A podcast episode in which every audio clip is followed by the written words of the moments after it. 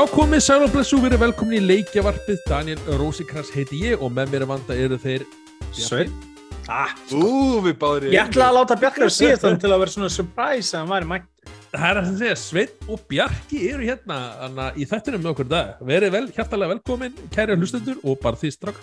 Hvað segir þið gott í dag? Bara fínt, er það ekki sveit? Jú, bara pinsarinn eftir helgina en annars fín Þetta fóstu út, út í þetta gulaðana. Ég þurfti að elda það reyndar. Já, ok, já, já. Það er ekki var? mikið hér En segðu mér annars, Svein, hvað hérna hefur þú verið að spila hérna upp á síkasti? Aloe vera? Nei. Mest megnist það Ok, Nei, uh, ég er búinn að vera að spila ég held að fara að spila Starship Troopers leikinu þetta og síðan dætti hans í hérna, ótrúlega satt dætti ég Red Dead Redemption aftur ég pikkaði pjessutgána á Steam sölunum um daginn og hvað þess að kíkja aftur í vilda vestrið Eitt eða Ok. tvö? hmm, Eitt eða tvö? tvö þetta, annar er eitt ring til Já, þetta, tjók og getur að- þú skipa byrjuna kört sínu núna í, í leiknum? Eðuruglega ef ég notaði einhvern moddi eða eitthvað en ég fó bara í gegnum þetta bara svona eins og maður Ég, ég, var að, ég var að tala við eitthvað félagmynda, við vorum að ræða Red Dead Redemption og svona, já, þú ert að spila hérna svona 5 til 10 tíma þá kemur í opna svæðið já, byrjum við, já þú veist, introið er alveg svakalega Ég held að ég, ég held að ég hef gert þetta talsvert sneggra einfallega vegna þess að ég vissi hvað ég voru að gera.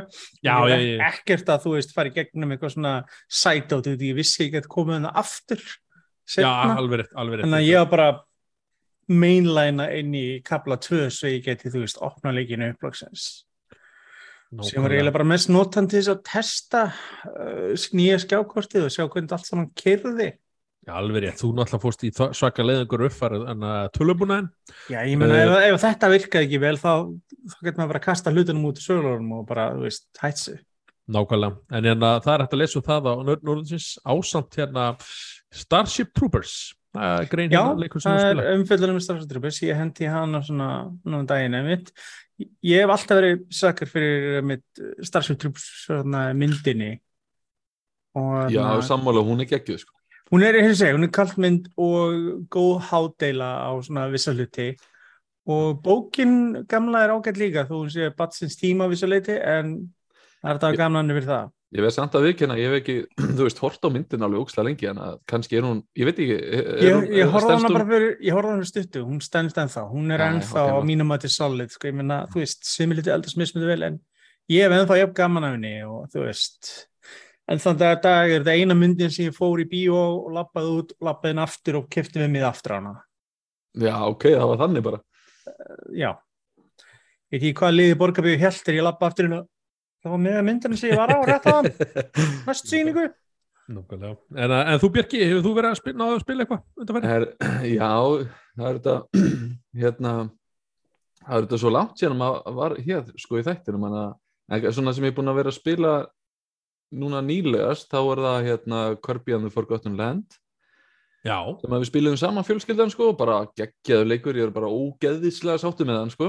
Hann er hann er rosalega góður sko og hérna, og svo fór ég eitt gamlan hérna To the Moon frá 2011 Ah, það við spilaði hann Ég á hann á Steam, ég held ég aldrei Kannast við nafnið. Já, hann var að- mjög mikið umræðin á þessum tíma því þarna var sko þetta var svona rosalega söguríkur leikur eða er Já, og, sagan var svona, já, líkilbúnturinn í leiknum með mér. já, og, og þú veist það var ekki, voru ekkert rosa margir svona leikir í gangi og þetta var svona einsmannsverk svolítið mikið, svona indie dæmi Já, komið margir með svona sterkir sögulegir áraun eftir á en það var svona, einmitt, þegar hann kom það voru ekki eins margir.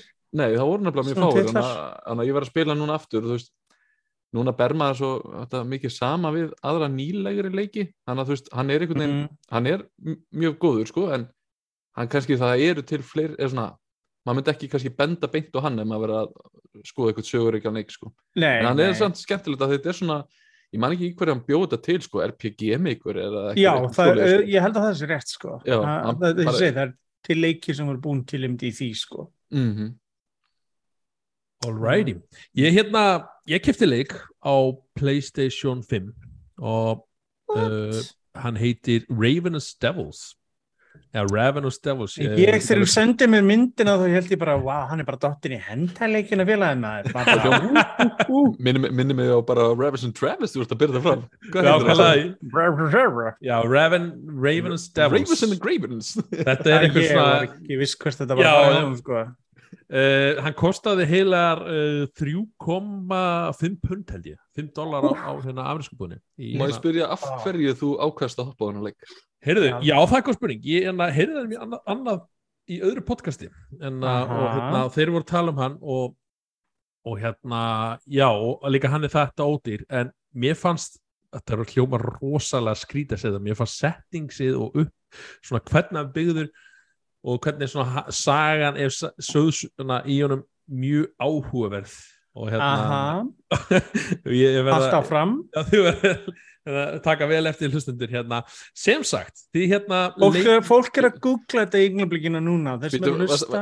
Varst að segja að settings var einn af hlutunum sem var að hylla þið við leikin Nei, þú veist, já, þú veit, svona, þú veist hvernig, svona, hvernig hann er byggður upp Já, þetta. ok, ekki sett settings optionu Já, Ekki- ok Nei, nei, nei, nei, ég- ég- Ég var ég líka bjóst bara, öður hvað ég bjóst er í öður að hann var að minna sögs Ég Já. Ok, Uh, já, uh, já, hvernig hann er uppbyggður uh, Mhm. sem sagt, þú leikur, eða sögurþráinu þannig þú leikur par eða hjón sem eru hérna nýbúin að flýja hérna hana gamlan áfengastað af því það komst upp um þau uh, það er að segja þau þurft neittust til að yfirgefa allar eigur sínar og flytja í smábæ í, Ah. í hérna á Englandi Ég ætla ekki að Og- tröfla þetta, ég fletti þessu leikum á Steam, ég ætla ekki Já. að segja neitt. Ég skil af hverju núna þú ert örgulega fyrir útskýra svo þú útskýra, ég skil meira núna af hverju. En já, hjónin hérna sem sagt uh, uh, karlmaðurinn eða maðurinn er klæðskiri og konan er einhvers konar kokkur eða matrislikona um, það sem þau eru að gera sem sagt, hann, klæðskirinn, sér um að þannig að, já, fær viðskipti til sín og býr til hérna mælir snið á hjá fólk og, og til að fólk átti sig á því hlustendur að þetta er þryggja hæða hús og leikurinn gerist á bara einu húsi allan tíman uh, klæðskirinn hann hérna mælir föt á viðskiptvinni og svona tekur snið á þeim og meðan að því þá tekur hann skæri og stingur fólki og þú sér bara allt svona hvað er að gerast og basically dreipur þau. Og hann tekur svo hérna líkið uh, hendir því í lúu sem fer allarleið niður í kjallara og já, áður en það gerir þá tekur hann alltaf fötin af hann að viðskipturinnum uh, hann að spýr til sníða því til að selja fötin hann að öðrum viðskipturum til að græða pening leinum konan tekur líkið í kjallarunum og hendir sagt, hérna, líkinu í annarkort svona, já það eru þrý hluti, það er meat grinder eða það er svona, hvað segir maður pilsustöppun eða veist, til að búið til pilsur.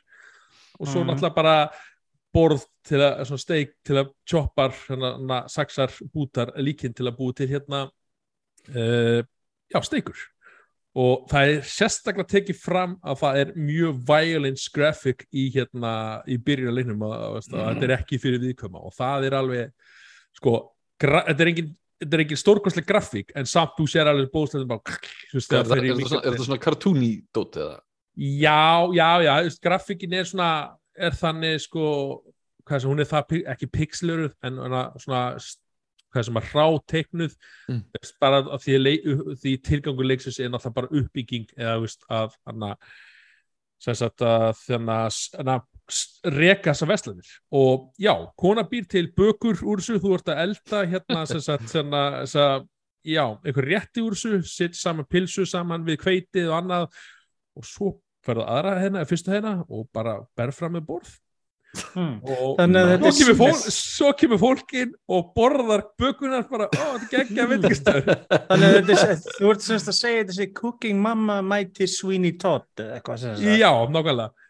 Að Það er- klæðskýri hann tekur hana, hana, hana dreipar þeim, hendur í kjallaran konan matriða þau og selur hérna já, hana viðskipturum líki. Og það kemur inn og verður það er svona bar alltaf hjá hérna hana viðskipturum það segir svona, veist, hversu fljótu út að hana, veist, það fær mat sinni strax þá verður hérna, hérna það mjög glatt og þú fær meiri pening fyrir vikið og, og svo þarf það byggja upp veitingastæðin, setja borð og hana, setja svona veisluplatta þannig að fólk er svona líklega til að koma og, og, og svo er þetta ráða inn hérna, já, anna hvað segir maður, svona þjón til að vera með sér í þessu.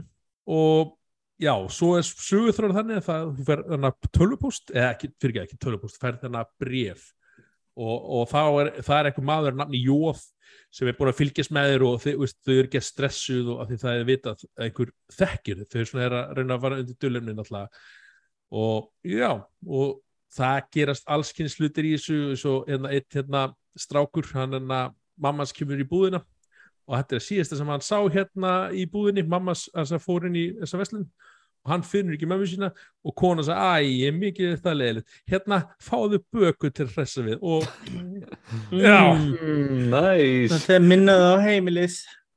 og þetta er alltaf eitthvað svona þetta er það, og þið verður bara ekki svona að googla uh, svona leikinn og, og, Já, ég downloadi þetta bara demo um Steam. Ég er Já. svona í... og hann er mjög einfald þetta er svona point and click svona, veist, minnir svolítið á hérna eins og ég segi hérna uh, leikinn hérna hana overcooked, nema það er náttúrulega stressi yfir samvinnun að búa til en þarna þarf það að vera að bara einspilun þú ert að búa til og selja og leysið leikurinn kostar eitthvað, hvað, 5 dólara að og eftir ég heyrði þessar Já, fréttir hann ég bara, 5 dólar á Steamið mitt núna. þannig að ég var eitthvað, ok, þetta er rosa áhugavert af mér sér leiti svona, og, en að, og bara hvert leiði svo ég held að það tók mér eitthvað svona já, kannski fjóra-fimm tíma að klára allt saman, sko með Það er nú samt ansi góð spilum fyrir svona klink já, Mhm. já, þetta var svona, ég var svona að leita á ykkur öðru og svona og, Mhm. og einmitt ég var að ég lýsa fyrir félag minni vinnunni, hann bara er þetta svona kannibal, ég er leika ég, á, nei, nei, ekki, ég vil ekki hýra mér Sko, mér, mér, finnst best að hini tvei leikinir sem þessi framleiðandi er búið til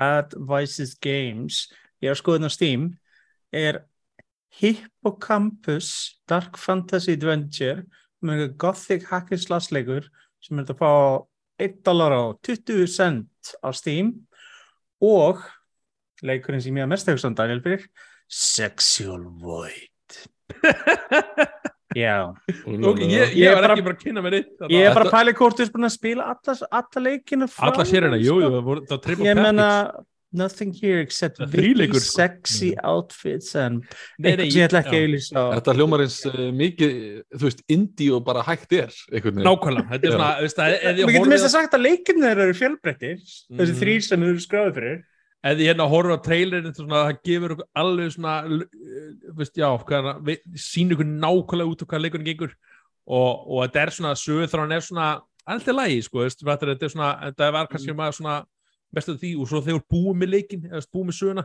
þá er ekkert eftir þú getur bara, já, þú getur haldið áfram eins lengi og vilt og hvað, veist ok. þetta hérna. Hvað segirðu? Ég, ég ætla ekki að grípa fram í Nei, fyrir þessu. Ég, ég ég, bara- bara spá, ég er bara að spá hvort að þú veist, hérna, maður getur tapað í leiknum eða hvort þetta sé bara svona, þú veist, þú ferð alltaf Eh, áfram. Það, það gæti verið að þú veist, þú fær svona reputations, þú veist, hver, hversu ánæður Verður löggan aldrei áhugaðsum út í Nei. fólki sem er alltaf að hverfa eða? Nei, eðst, það er alltaf að kemur fram í sögunni og það er fólk að hverfi í bænum og, og, og, og, og það tengir ekki þannig við þenna, þetta, þessa verslun en svona ég þess að segja, stutt og stuttur leikurinn er, þá er ekkert mikið svona þannig út á, það fyrir þess að segja, þú, þú veist, fer í sér herbyggi þegar fólk er að þú veist, þegar þú hana þreifðu uh, í herbyggi hlinn og það er fólk sem er að uh, leitast eftir að kaupa fött það fólk kemur aldrei inn á meðan þú ert að Mm framkvæma hlutina uh, og svo þau búin alltaf að hérna hvað sem maður sker hann að hálsa eða hvað hann gerir að þá þarf alltaf að þrýfa gólfið eftir á. Og leiðu búin að þrýfa gólfið þá getur komið viðskipturinn og þetta gerist að það er einn dagur sem líður og ég held að ég sé svona dagurinn sé kannski maks þrjá mínútur að líða. Eða veist, þetta er mjög fljótt að gerast. Og svo Mhm. bara þarf alltaf að halda ánægum viðskipturinnum til að fá meiri pening. Og svo uppfærir þú veist mín grændarinn þá framlega meiri kjöt eða, eða þú ert með fleiri svona gínur til að setja fleiri föt þannig að selja meira. Og þetta er svona, já, þetta er þetta er áhugavert. Ég, ég, ég, ég get kannski ekki mælt með öllum nema bara svona veist, ef þið finnst trailer interesting áhugaverður og þú ert svona, já, hvað við spila? Já, prófum, þetta. Og ég spila þetta á, á Playstation og kontróli virkar fínt þar. Já, er, er það fast að fá PlayStation 5 upplifuna? Algjörlega, ray Er tracing það? bara Já, og- ég er, er það ekki 120 ramur sek og Og- allan bakkaðan sko. Þú hefðir þetta að sjá þr- heyra, eða, heyra 3D sound effects eða, Já, ég, ég hefði bara haptic feedbacks í þú veist, öllu saman sko. Það, Nei, nei. það, það er samt alveg frekar magnað hérna í mannaflefti þegar maður er með Xbox 360 þá er þetta svo sifin af indie-svæðinu það sko. Að mér finnst alveg að vera orðið rosalega aktíft þetta indie svæði á, á Playstation meira en áður, það er að segja þú veist, það, er, það er verið eins og að leifa fleiri tegundir af leikjum sem er ekki endilega aðra framleitir með einhverju háum standard, þú getur fengið þú veist einhverja leikjarna sem kosta undir dollar eða eitthvað sko. sko, mér finnst flott að svo sé að endilega því meira að gefa uh, smarri developer tækifæri að búa til leiki og koma sem framfæri en mér finnst það sem er vand, vandamann í bæði Playstation megin og Nintendo megin er að gæða eftir þetta sjokkar Þeir eru bara Það er eins og-. Nei, Já, það sem ég það- meina, það það er eins og ekkert, en ekkert, það- ég meina það meina, bara það er- flokkunarkerfi þeir Ég þurfa bara meina, að setja í sko, flokkunarkerfi sko. en ég meina það þarf að vera gæðakerfi på basic að þetta sé software sem virkar ég meina þegar þú veist, Þetta lendir því að það virki ekki? Nei ég meina það er sko verið forrætt verið sökuðum að gera ímislegt annað en átt að gera sko. Já, skilur hvað ég meina þeir eru- eru seldir hluti ég meina Cooking Mama leikurinn á og sagði að hverjum verið bara bókstala krypto forrætt sko. Ok, það er, já, það er svolítið annað, ég er sammála því það er svolítið Já, annað, ég bara held þú við þetta nei, að það þyrfti að vera svona ná einhverjum Nei, ákveðnum gat, standard eitthvað eða eitthvað. fínpúsa, guður bara, Nei. nei, bara ég vil fá allt litróið í leikjum, endilega. Helst bara fullt að leikja sem kostar dollara whatever og endilega, það er og mjög það er gaman að detta á svoleiðis titla, sko. Eins og einhver seri að búin að koma út núna með reglulegu millibili, ég man ekki hún heitir það er eitthvað, þú veist, basketball og eitthvað svona og þetta er bara eitthvað, já, pixlað og bara lítur út, sko, á gömlu Atari-vélinni, hérna, bara á 8. áratögnum eins og eins það er að koma í Playstation 5 í dag, takk Já, meina, eða bara eins og leik, leikir á Playstation my name is Mayo. Ég meina, það er klálega hlutur sem þú hugsaðar, wow, Playstation 5 maður, ég ránaði ég, ég hafði fyrir að retta þessari vél, sko maður, úff, upplifin eða þá, eða þá reiknivílinn sem kemur út á Switch munið til henni? Já, já, já, náttúrulega eins og segja, sko, þú veist það er dýrasta reiknivíl bara hjörðinni bara, Já, ó. það er svona stundum, sko, ég menn þetta er eins og sumir á leikinu sem að koma til Playstation 4, þarna, það var einhver tækirleikur sem til Playstation 4 sem var bara eins og einhver, sko, ég hefði skellt honum saman á hálf tíma, sko. já, sundir eins og hafa bara verið gert í paint og svona síma leikur það er þetta til svona- developer forrið í dag sem er með svona pre-made assets og þú veist, það er hægt að búa til leik segja, það er stundað eins og Steam vandamann á Steam, það er svona asset flips. Það sem þú sér bara sömu assetið bara sami leikurinn með öðru nafni og þú sér bara margar útgæðranum á Steam eða eitthvað leðis svo kannski þetta er svona ennþá, ennþá verra en Nintendo að því leiti að, að, uh, að, að þess að þú gefur út leikana og hann er ekkert auglýstur hann er bara, þú þú bara segjum myndi gefa góðan indie leik út þú veist, hann myndi vera bara tínast ykkur flóra ykkur svona algjör þetta svona er, þetta er bara aftan mörgum developerum og ég, sko, svona legit sko. Og svo líka, komast í gegnum systemið hjá Steam, eða Sony, eða Nintendo að þú veist, bara fá eitthvað Já, mér finnst vanta svona sérstaklega Nintendo, bara eins og í hérna, þú veist, eh, í Play Store, þú veist, það sem er hérna bara eitthvað Editor's Choice og Já, veist, Já, ég hugsa bara það eitthvað Awards-leikir þjónustum og eitthvað eitthvað svoleiðis, já, ég, þú veist, awards indie leikir, þú veist, það er eitthvað kategóri sem að á að vera til, sko. algjörlega, algjörlega samanlega það sko. eins og Microsoft voru oft stundum með highlighter leiki svona ID Xbox eitthvað svoleiðis og Já. við gerðum meira af þessu, þeir eru ekki eins góður í þessu í dag, þeir gera meira af þessu eins og sagður 360, Mm voru með Space Indie plak- pakka, fólk að búið, gefa út leiki self-publishað, ég meina flestar þessar vélar eru það kraftmiklu í dag að þú getur sem smarrið vel bara gert miklu meira en þú gast einu sinni áður fyrr og fyrir minni pening. Nákvæmlega. En bara vildi óskast að þeir geðu þessum fólki mér tækifæri. Já, það er, það er cool að fá svíslusinu, þú segir, maður er hana, svo fær maður ekki alveg, þú veist, svona auglýsingu leikin ef þú borgir fyrir til að komast framar í búðinni, Já, það er nefnilega PlayStation.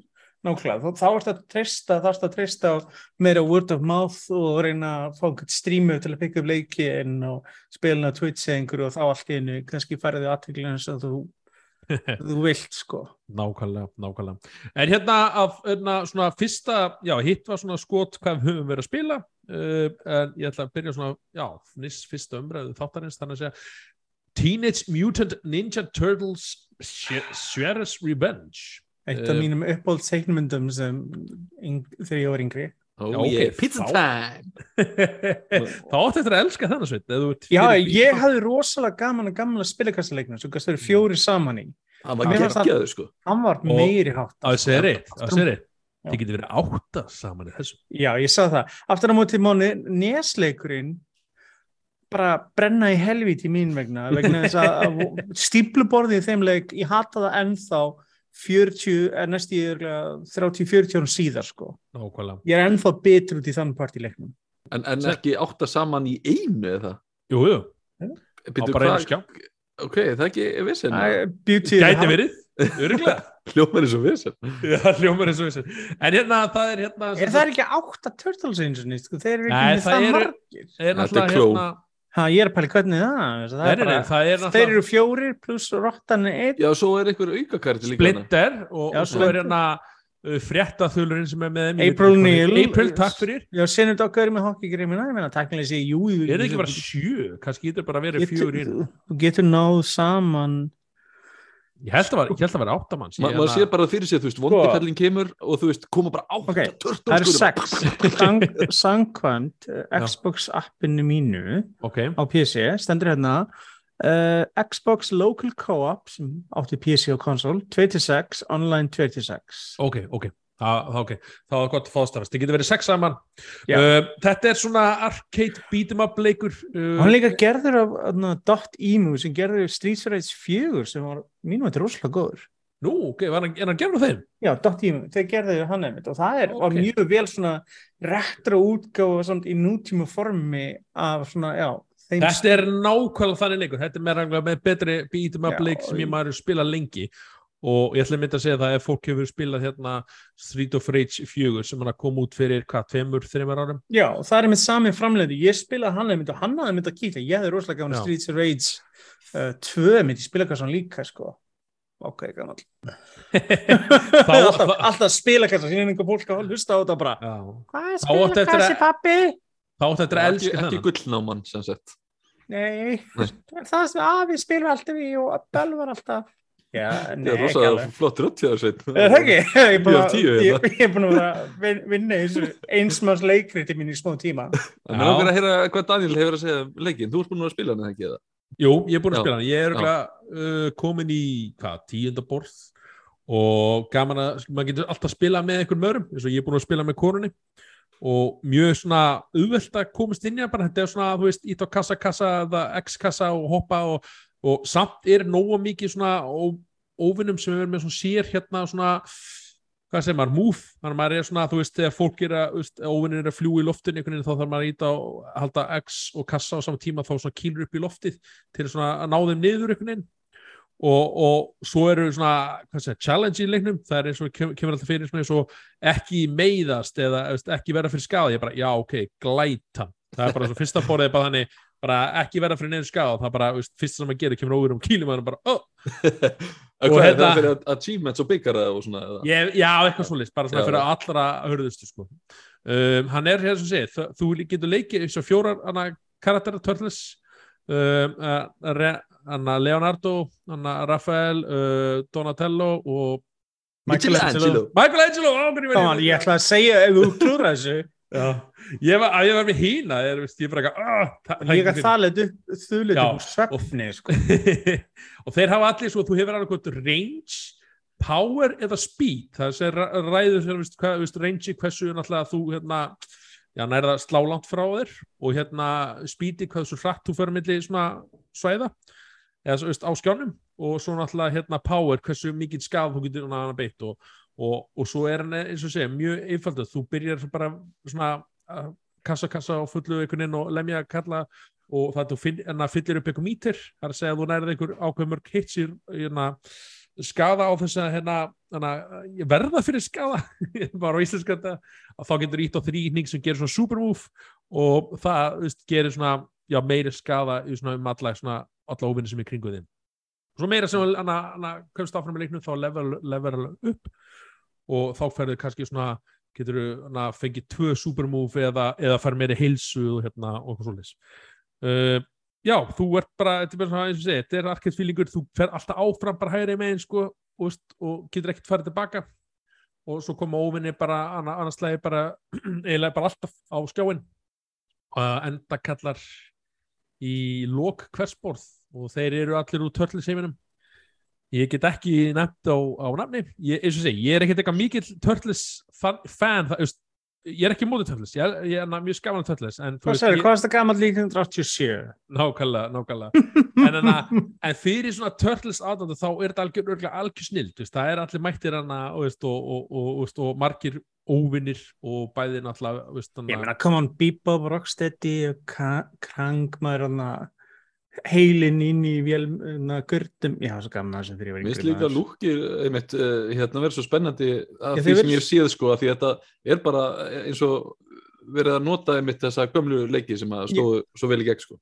Já, þið verðist reyna að ná bæði teiknumindinu Já. og gamla leikjum sem vel einmitt. Verður þetta, verður þetta heilalust eða er þetta svona alltaf svona smá og þarfst að hugsa og pæla eða Sko, er þetta bara svona að fara áfram og, og drita og taka það? hann verður alveg sko erfið eða spattur, það kom, kom hérna moment sem hann að ég skipti um kalli eitthvað, eitthvað hannig og Mm var búin að vera hérna splinter allan tíman og svo hvað er það svo dó ég og kona mín eða við vorum game over, þú veist, þú færð þrjú líf uh, held ég, eða þrjú continuous ef maður segja, þú veist, ef þú deyrð þá hann að, kemur aftur tvö, Mm. já, í þrýja skipti, eftir þrýja skipti þá eru þið game over.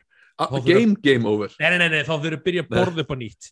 Af því ef þú deyrið, Ah. annar eitthvað deyr þá kemur, kemur aftur inn á, þú veist, þá færi bara þrjú líf eins og segi um, og, og þú getur þegar, svona, þegar þú ert dauður þá getur nokkastu niður í tíu sekundur uh, viniðin getur koma og, og ressa þig en, en, en hann hefur bara tíu sekundur og má ekki verða fyrir skada á meðan en er að er að hérna, já, hvað sé líka við. Þá fyndið því að animation þá tekur hana törtlis að kalla hann eins og pítsu er svona að nuttast í hann hérna, hérna, finn, finn ríktin þessu. Kottu, þú getur þetta, þú getur þetta. við verðum að geta og svo, og svo náttúrulega eins og við segjum bara gamla leikinum þegar kemur pizza á borðið það gefur líf það er að segja, hilsar ork, orkun upp á ný. Pizza er lífið, klálega. pizza er lífi og, hérna, og, og það er allir mér og þetta er bara svona skemmtilegt lúk víst, og, Mm. og þegar vinninn er saman og ít á ellit saman þá gefið high five og eitthvað svona svo Nice. er alltaf tala og veist, Turtles og, og, hérna, og Splinters Splinter Veist, og þegar vinnur borðin hefur sér like, easy peasy eitthvað svona, veist, það var bara rétt unnum þetta nei, nei, við maður það svolítið að hafa fyrir ég er náttúrulega að spila bara í normal það eru þrjár stillingar, það er hann að chill heitir easy, svona stillingin mann ekki nummer tvö en svo kemur hann að erfiðari veist, og ef þú veit svona allra hörustu þá get ég alveg trúið hard sé nokkuð erfið sko. Já, og hvað- hvernig Streets of Rage uh, fjögur var, hann gæti alveg verið challenging erfastillingunum. já, Ég held að sé að lögnu höfða til begja einmitt hópana einmitt þarna. já.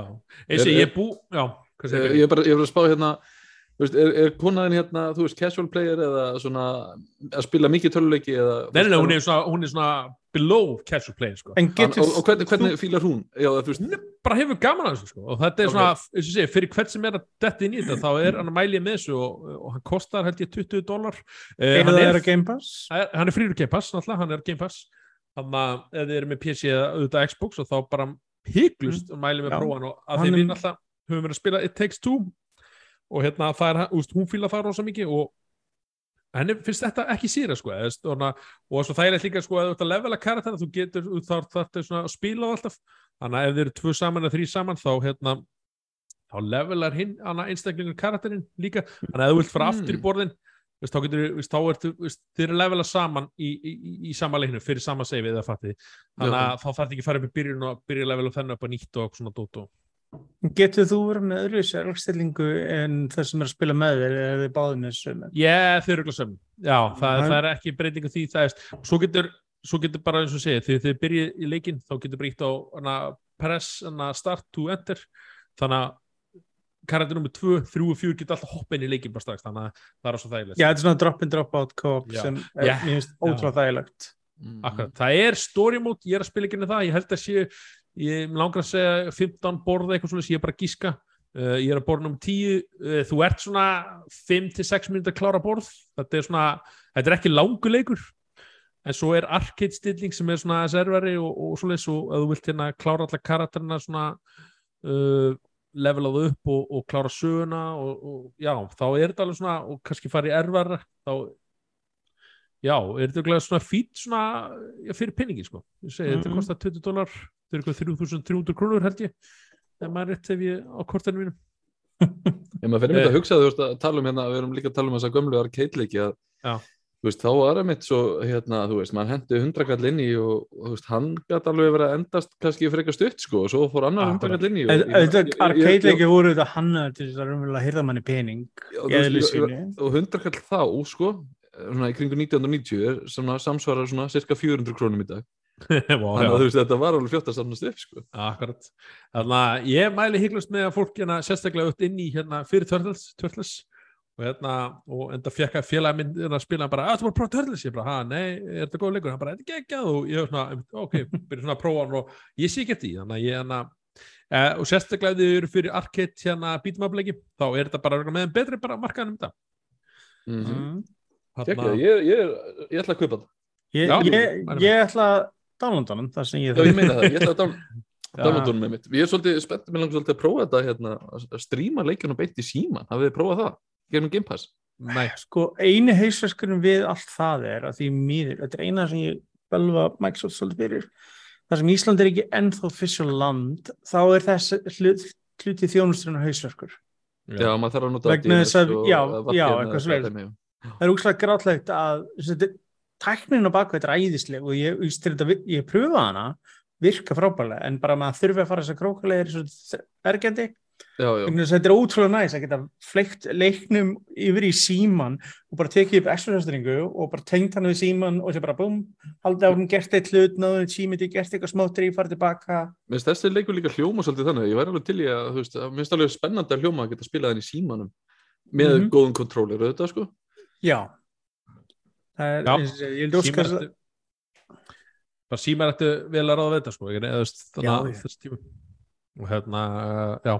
Uh, já, ég held að sé, hann er á alla gerð hann er á Nintendo Switch, hann er á Playstation 5 hann er á Xbox og hann er á PC þannig að þetta er bara um að gera að checka á honum, bara ef þið hafið hann áhuga. er á öllum helstu service meira að minna uh, Já, frá því í síðastætti hérna við tókum um, þá var hérna var svo kvall Nintendo Direct Mini. Rétt er. Ég verða svona aðeins að segja frá því að því að sko, við ætlum að koma að annari frétt á eftir sem var um svona hæp og svona eitthvað svoleiðis að þá var náttúrulega fólk búin að veist, það hefur alltaf verið svona Nintendo kynningar í júni gennum árin, ég held að þessi fyrsta skipti sem er svona ekki alvöru Nintendo kynning ef ég má segja satt uh, búin að vera, já, ekki ár allavega. Uh, í fyrir tveim vikum síðan þá var hérna uh, þá var hérna Xenoblade 3 kynning veist, þá var allir búin að hæpa, heyrðu, Nintendo er að fara að kynna eitthvað rosalegt svo bara, heyrðu, núna verður hana direkt til eitthvað Xenoblade 3 allir bara, ó, Nintendo hætti það svona, veist, internet á til að missa sig stundum já, rosalega. og svo kemur hérna tvei vikur setna bara, það lítur að gerast allir búin að, allir ykkur, og leakers búin að segja þetta, þetta gerst kannski 29. Svo 20. og held ég 8. kemur hérna Nintendo Direct Mini Partner Showcase allir bara eitthvað, og þetta er svona, já, þetta var þetta eiginlega?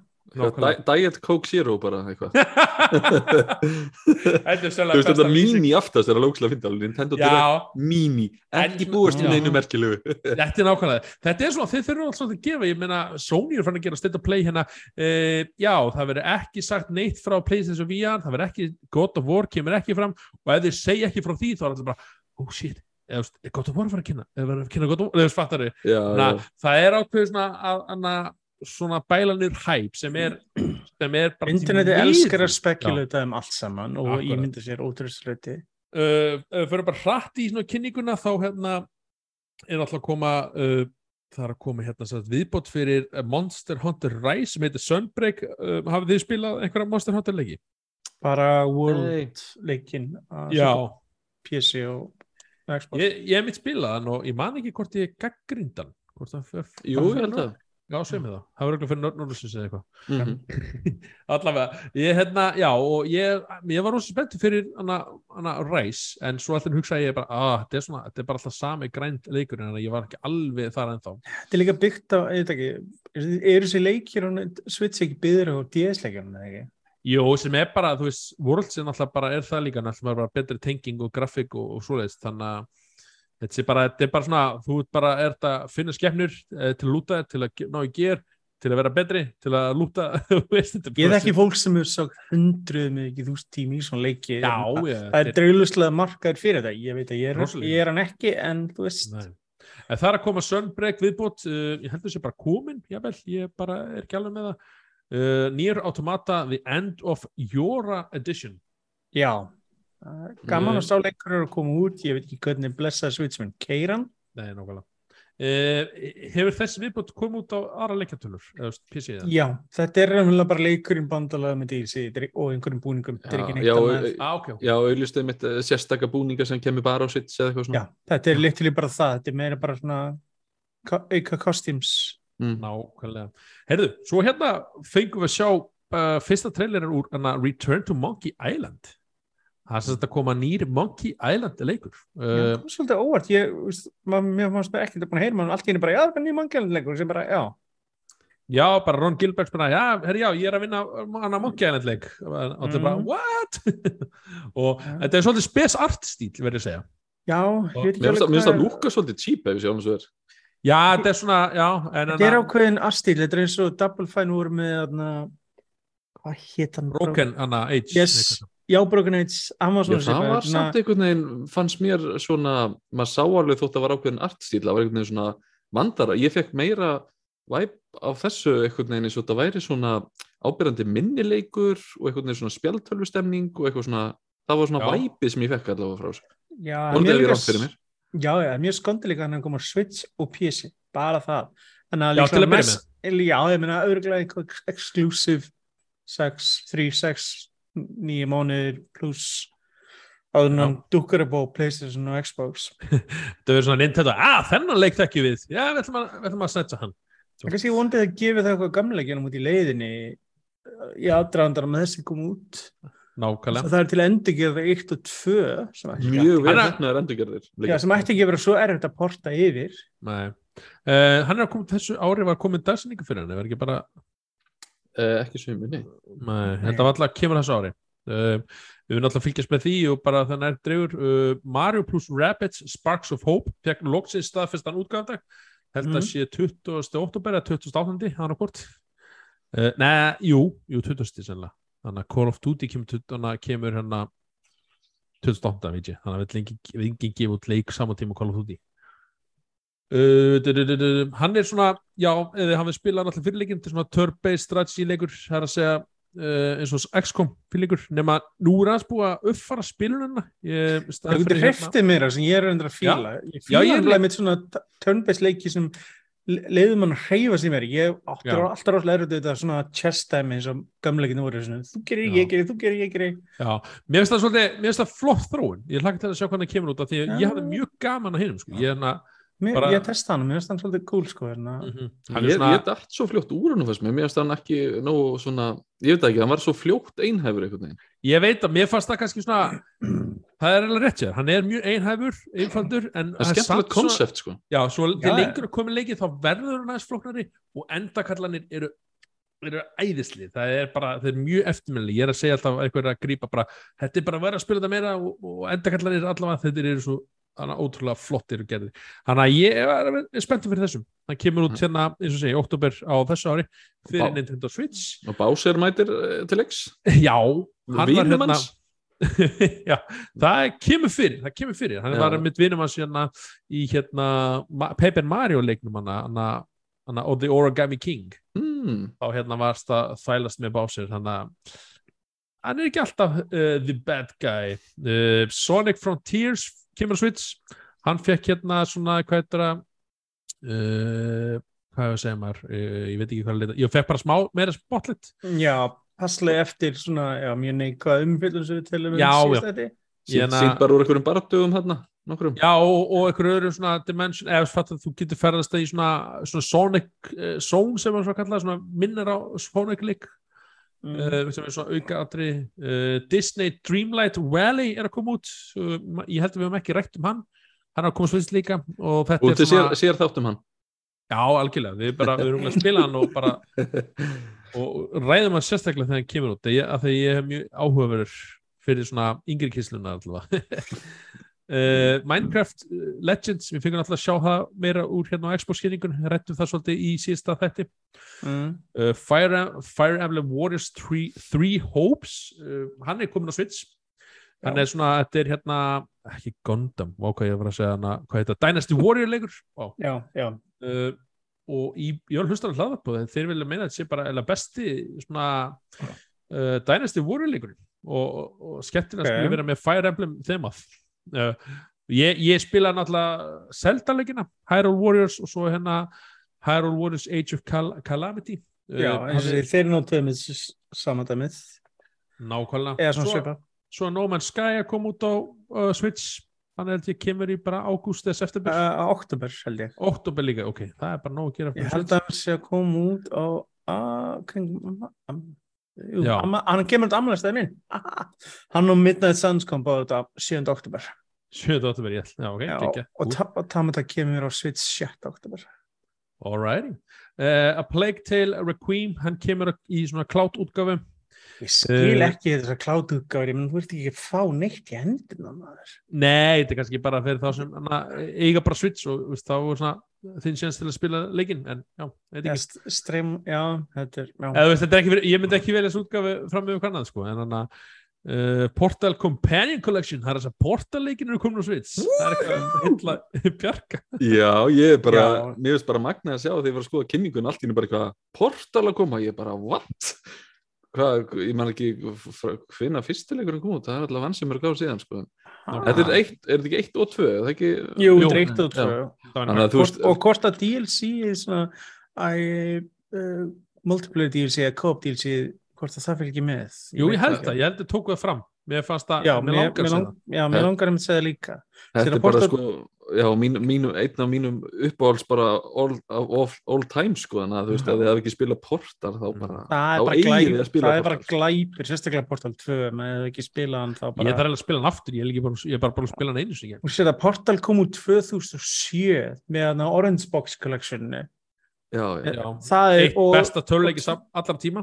Og Portal 2 kemur 2011 svo þetta er já hann Þetta er aðeins að koma hann setna aðeins setna á Switch. Betra seint en aldrei, sérstaklega það er er til Nákvæmlega. gott port sko. Það er eina sem að vonar.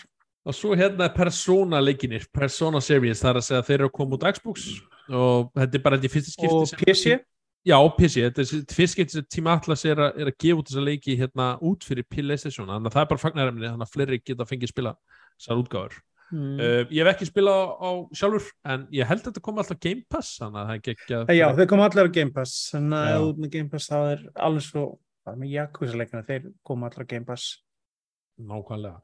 Þannig að þetta var svona take away í Nintendo Mini Direct þannig að ef þú ert bara, já þú switch hendi og, og hérna, þá er það svona alltaf eitthvað á döminni, svona interesting að já gera. bara og ef þú aftur á móti einmitt svitsæðandi býttu með að kaupa Knights of the Republic 2 gána Switch þannig til að hún er í betra standi. Þeir segja eftir að að laga glitchin sem gera verkum og komst ekki áfram. Ég fæ bara flashback í þegar ég spila hann leik sín tíma og gati ekki klára hann á þetta glitch í lúkin Já, Það var- Lífur ennþá í, á þeim dimmum, dimma stað hér í á svo grátlegt. Ég var, ég var literally, já en það seifið á enda kallin gati ekki klára hann. Var það ekki hann var aldrei, hann ná- náði aldrei að klára hann. Það er að segja, þau klára aldrei, hann auðvitað, þeir fengu nýju mánu til að gera hann sko. já, þannig að það er engin tími og fyrir vikið var leikurinn rosalega síðan er þetta eitt sekundu sko, þeir, mér finnst þetta cool, þeir segist að gefa út sko, DLC fyrir leikin sem er frítt sem er fan-made er- er sem með suma leiki þetta er eins og með Vampire Bloodlines og fleiri leiki sem hafa verið haldið gangandi á aðdáðandum og lagfærðir og raunverulega settir í það sa- formið sem er átt að vera og jafnvel betra form það var að sama með Night Soldier 2 sem í dag ef þú spilar hann með þessu kontenti þá er leikurinn sjálf frábær. En það mun koma setna á árinu en einu gallin er að ef þú er búin að spila leikinn á Switch og þegar það verður bara nýtt save. Það virkar ekki með. Já, Mhm. en Heyrðu, uh, talandum svona, ef ég fer aðeins út úr þessu, en að sambarlega umræði, er að hérna Bjössi, góðvinnu þáttarins, mm, hann hérna kom hérna með, svona spurði mig hérna, hvernig breyti tungumálun í Pokémon-leiknum? Eða ég bara, ha, já, hvernig breyti hann tungumálið? Þú veist, hann alltaf, hann var orðfælega á spænsku og ég fyrir að Mm. googlaði til um og hann er bara, það er ekki hægt í miðjum leik, þá ef þú ert búin að komin ákveð langt í hérna, með spænsku eitthvað, þá verður getur að byrja aftur þá eða? Vá, eru- hvað þetta Nei. er glatað ok, ég, hérna, ok, ég ætla ekki alveg fullir það því að ég, ég fór að leita af hana, endurist á netinu, ég sagði, getur ekki verið allavega Mhm. uh, þá, enna, og sérstaklega ef þú velur spænsk útgáðan eitthvað svoleiðis og fær spænst eintak eitthvað og, þá, og þú ræsir leikin aftur í, ég ætla ekki að segja fullir að þó er búin dílítunum, þá er hann alltaf á spænsku eitthvað svona, eitthvað kjaftaði sko. Og þetta var bara-? Nei, ég veit ekki alveg hvernig þetta er svona, þetta er eitthvað voða case Þetta er eitthvað svona 80 eitthvað vandamál sko. Já, Já. sko, ég meina einu sinni var þannig að leikinni voru ekki með ennsku og viss, Mm. vissar evrósk útgáð, kannski fyrst Já, ég var manni til franska kom einhvern vittlis útgáð í, í geimsnið þegar ég var að vinna í henni fyrir löngu löngu síðan, þá var þarna Massag 2 það voru fransk eindök það var Já, ok. engin enska, það var bara kassi með special edition af Massag 2 franskar útgáður sem voru gagslustar vegna nema fyrir þessum örfóð sem tölu fransku annars var ekki gagslustir að spila hún Já, og, ok. en í dag almennt er leikir með flest allt að þetta er allt bara, þú veist, þetta er bara texta skilju, að það ætti Ég bara að geta breyst bara tungumáls, bara meinu sérstaklega leikur eins og Pokémon þetta er ekki eins og þetta séu voice acted Það eða eitthvað minnir- mig svolítið á svona einhverju vandamál sem hefur lent í hérna uh, Animal Crossing. Þú veist, maður vill eitthvað breyta einhverju svona smá. Þú veist það Mm, bara, já. nei þú mátt ekki breyta neinu þú veist, það er bara að þú velur ekkert einhvern ávöxt, þá verður hann alltaf eða þú veist, viltu búa Byrju, byrju, norðanlega e- var leikurinn að segja þetta eða var Erla að segja þetta þig? nei, leikurinn, leikurinn Já, ok, ok, ég var ekki viss nei, Ó, nei, vá. leikurinn er svona, það er eitthvað svona þú veist, bara, þú veist það er rosalega mikið fænal og einhvern veginn, ef þið langar Mm. svo að breyta einhverju setna að þá bara svo vel henda eiginni og byrja alveg frá byrjun Já, og þetta held ég með eitthvað henda seifinu út bara alveg sko. já, þetta var eitthvað steikt, ég held að lausnin í þessu var eitthvað, þú veist, að halda einhvern x mörgur nöppum á sama tíma og íta svo ellit, þá farið enskuna og fr- þetta var, ég með langar svo, mig langar svo að prófa þetta það var í Pokémon hérna Brilliant Diamond sem kom út í bara í hitti fyrir eitthvað.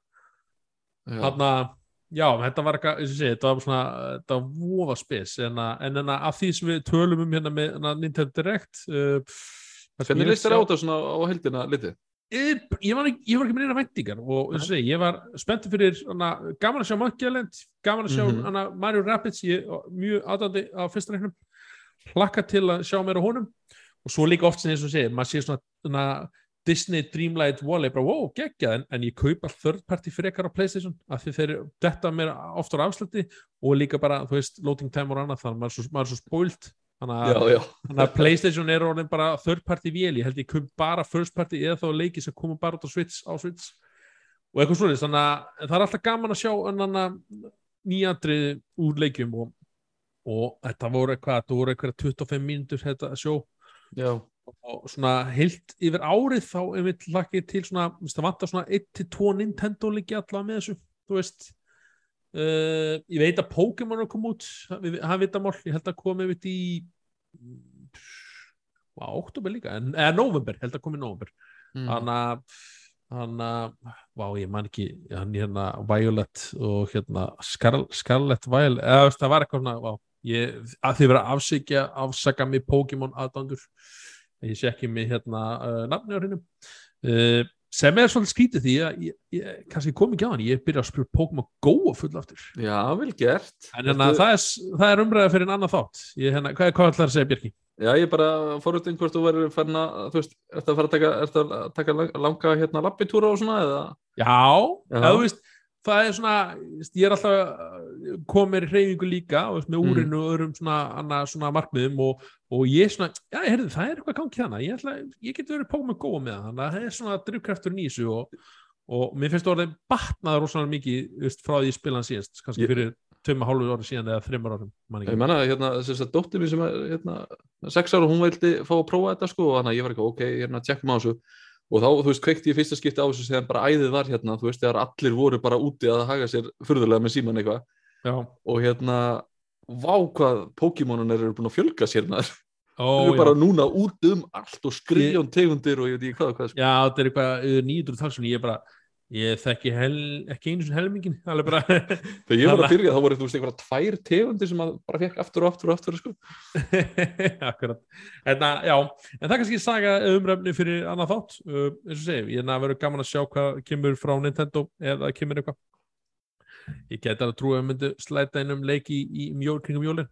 Uh, já, Já, Zelda HD-safnið loksins, þá er ég góð eða Metroid safnið eitthvað, er ég til Metroid í það. mætti alveg koma, já það on, Með eitthvað byðin upp til fjör allar löng þá, já, með er alveg já, ég held að komi Metroid hérna Fyrstaklega búið orður um að þetta Metroid safnið sér sitt í klárað búin að vera Já. klárað í svolítið langan ég tíma held að þessi komi remake með þess að svona, komi bara betur en betur útgáða líka þannig að það verður spennandi hvort það kemur einhver kynning uh, ég, já, ég veit það kemur einhver kynning í september mm. uh, ágúst september uh, frá Nintendo, eitthvað svona stærri kynning um, Sony hafa einmitt verið með kynningar sjálfur í kringum hérna þessu tíma.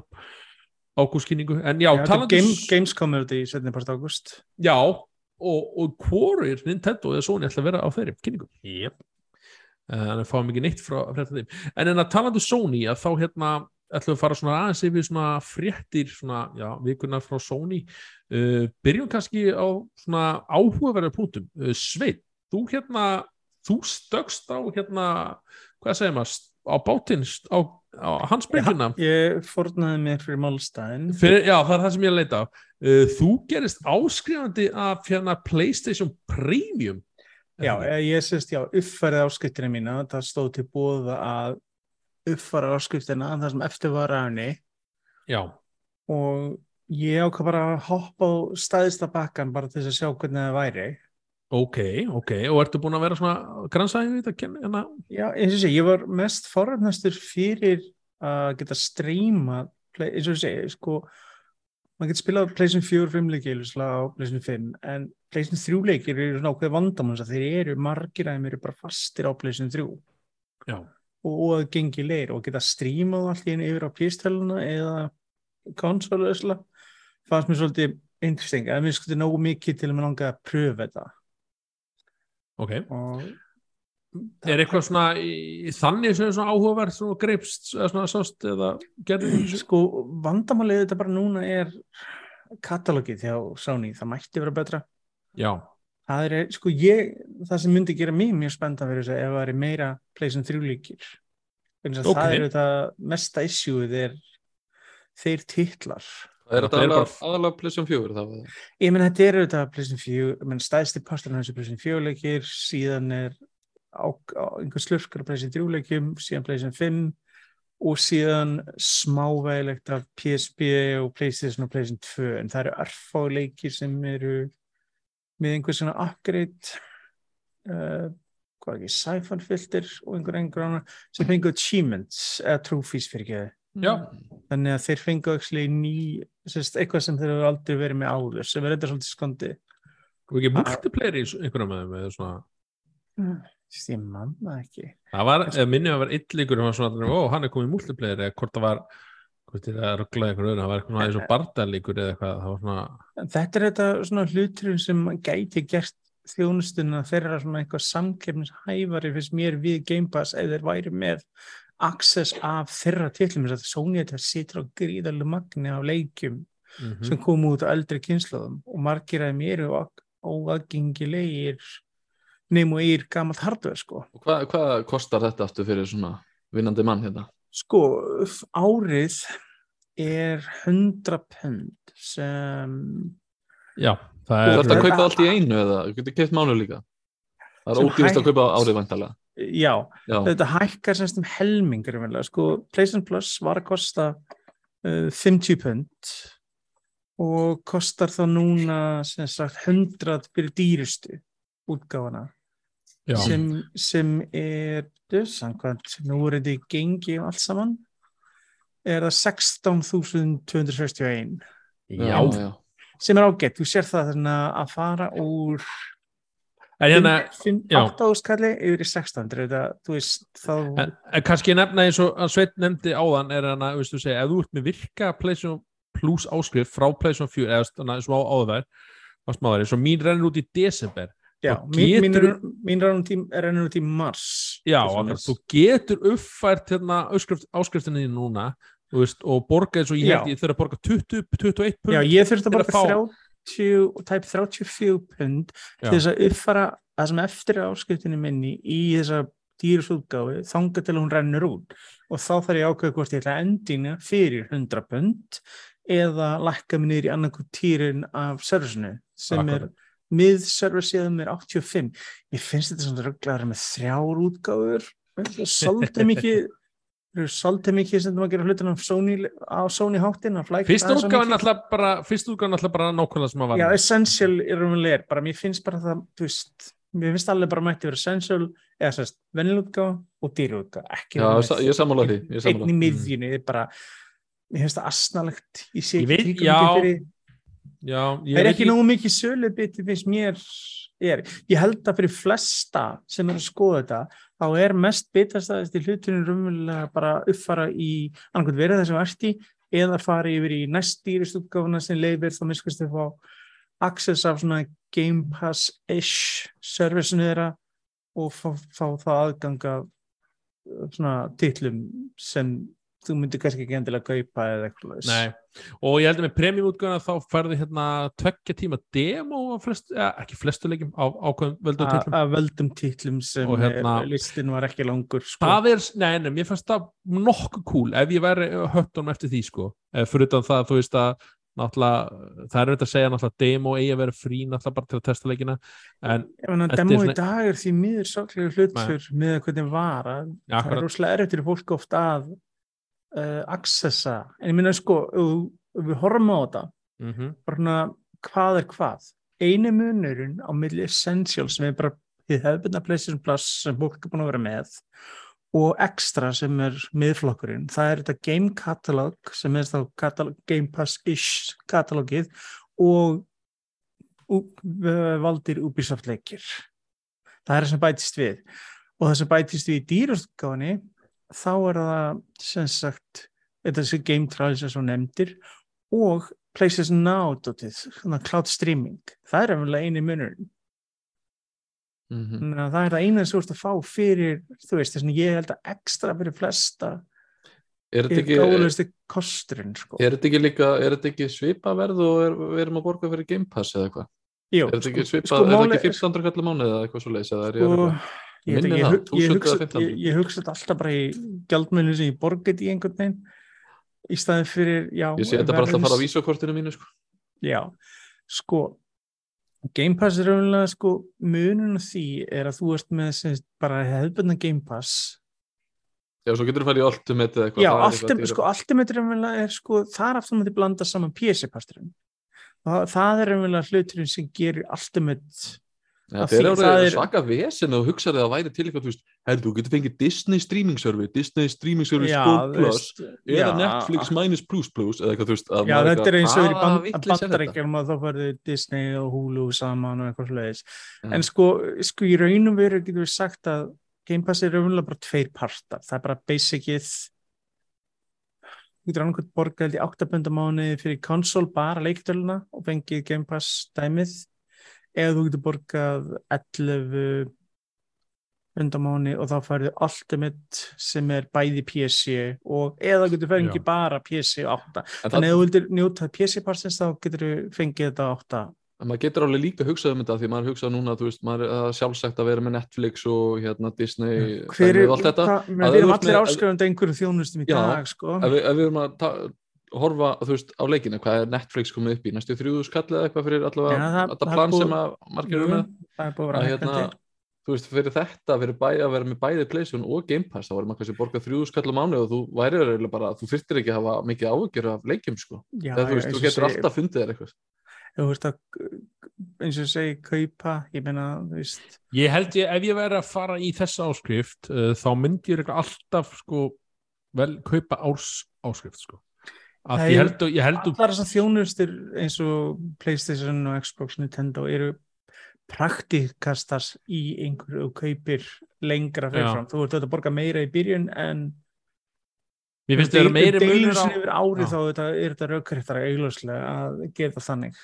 að því, já, bara svona eins og sko, eins og segi, ég náttúrulega ég uh, nota bara hérna mína þjónustega, ég nota hann að Playstation langmest sko, að því hann að, að því bara að því á ekki Xbox og, Já, og, ég finnst, og það er bara ástæðan og eins og, eins og kosturinn þessu Game Pass við þig er að þú getur fengið Game Pass PC bara nákvæmlega, á nákvæmlega. minni pening. Þannig að veist, það verður interesting ef það er hægt að fá PlayStation Plus bara PC og svo, svo má ekki gleyma ég, ég, svo er ég borga þetta, já. 60 dólar ári fyrir Nintendo þú veist, að þú skuli vera að borga þá vittleysu ég er búin að fá, ég er búin að fá minn penning fyrir þetta er er það? er það Já, ég er þetta ekki búin að spila mikið að því en, Aha, aha.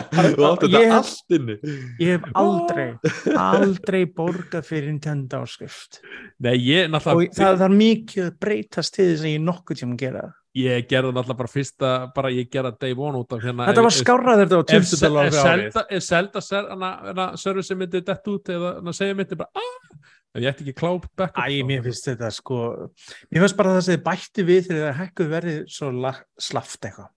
Já, ég meina þegar en- 20 Nemo eftir fyrir Mario Kart til dæmis eða, eða hérna Animal Crossing. Crossing, þá, þá, þá borgaði sig sko.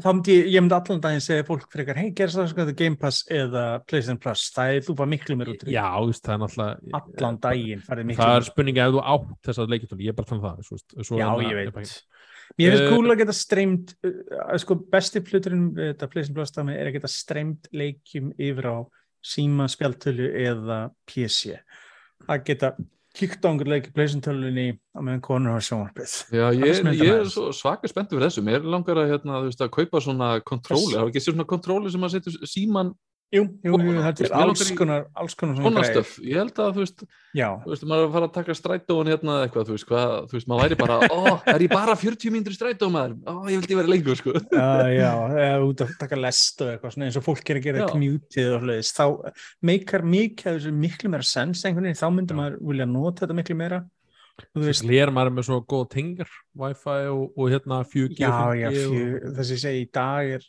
netræðin orðið það góður og mikill Mhm. að þú veist, við getum, maður getur gert alls konar hluti og er það skemmtilega við þessar þjónustur nákvæmlega að geta En, sínum Myndur mæla með ykkur um að kíkja á þessar áskriftir? Sko, ef þið eigið ekki svo mikið eftir og þetta er ódýr uppfærsla, þá myndi ég alveg skoða það.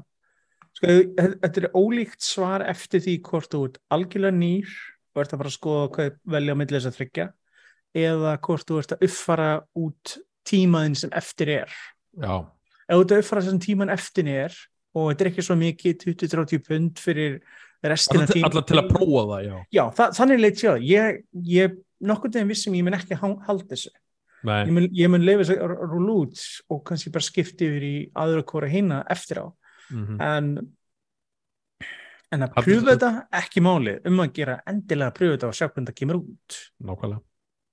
En annars bara kynntu vel fyrir flesta Já, Það er svo fyrir að þú segir einmitt kynntið vel þegar margir búin að spurja um þetta netinu hvað, hver er munum svo áskriftum? Já, og Sony er búin að vera með rosalega leiðilega og flókna framsetningu á þessu finnst mér Já, Þess vegna bara, held ég að margir sem er mjög þakkláttu fyrir greinina eina sveitna á, á Nörd Norðsins, það sem þú fer bara basically yfir Hvað, nörd allt saman. nördsins, Já. punktur is meinaru Já, já, það ferður bara mjög vel yfir Svo frábæra vefsega þannig að endilega kíkið á hérna Já, Norðsins. um að gera kynna sér þetta og eins og ég segi, ef þú átt eitthvað eftir áskriftinni af hverju ekki að þú veist, leifa, að- sér að pröfa dýrstúðgáðanum eins og ef það er ekki ne- nema kannski 5-10 bunda miðspunur eða þú veist, 1000 kall, 1500 kall eitthvað svoleiðis, af hverju ekki.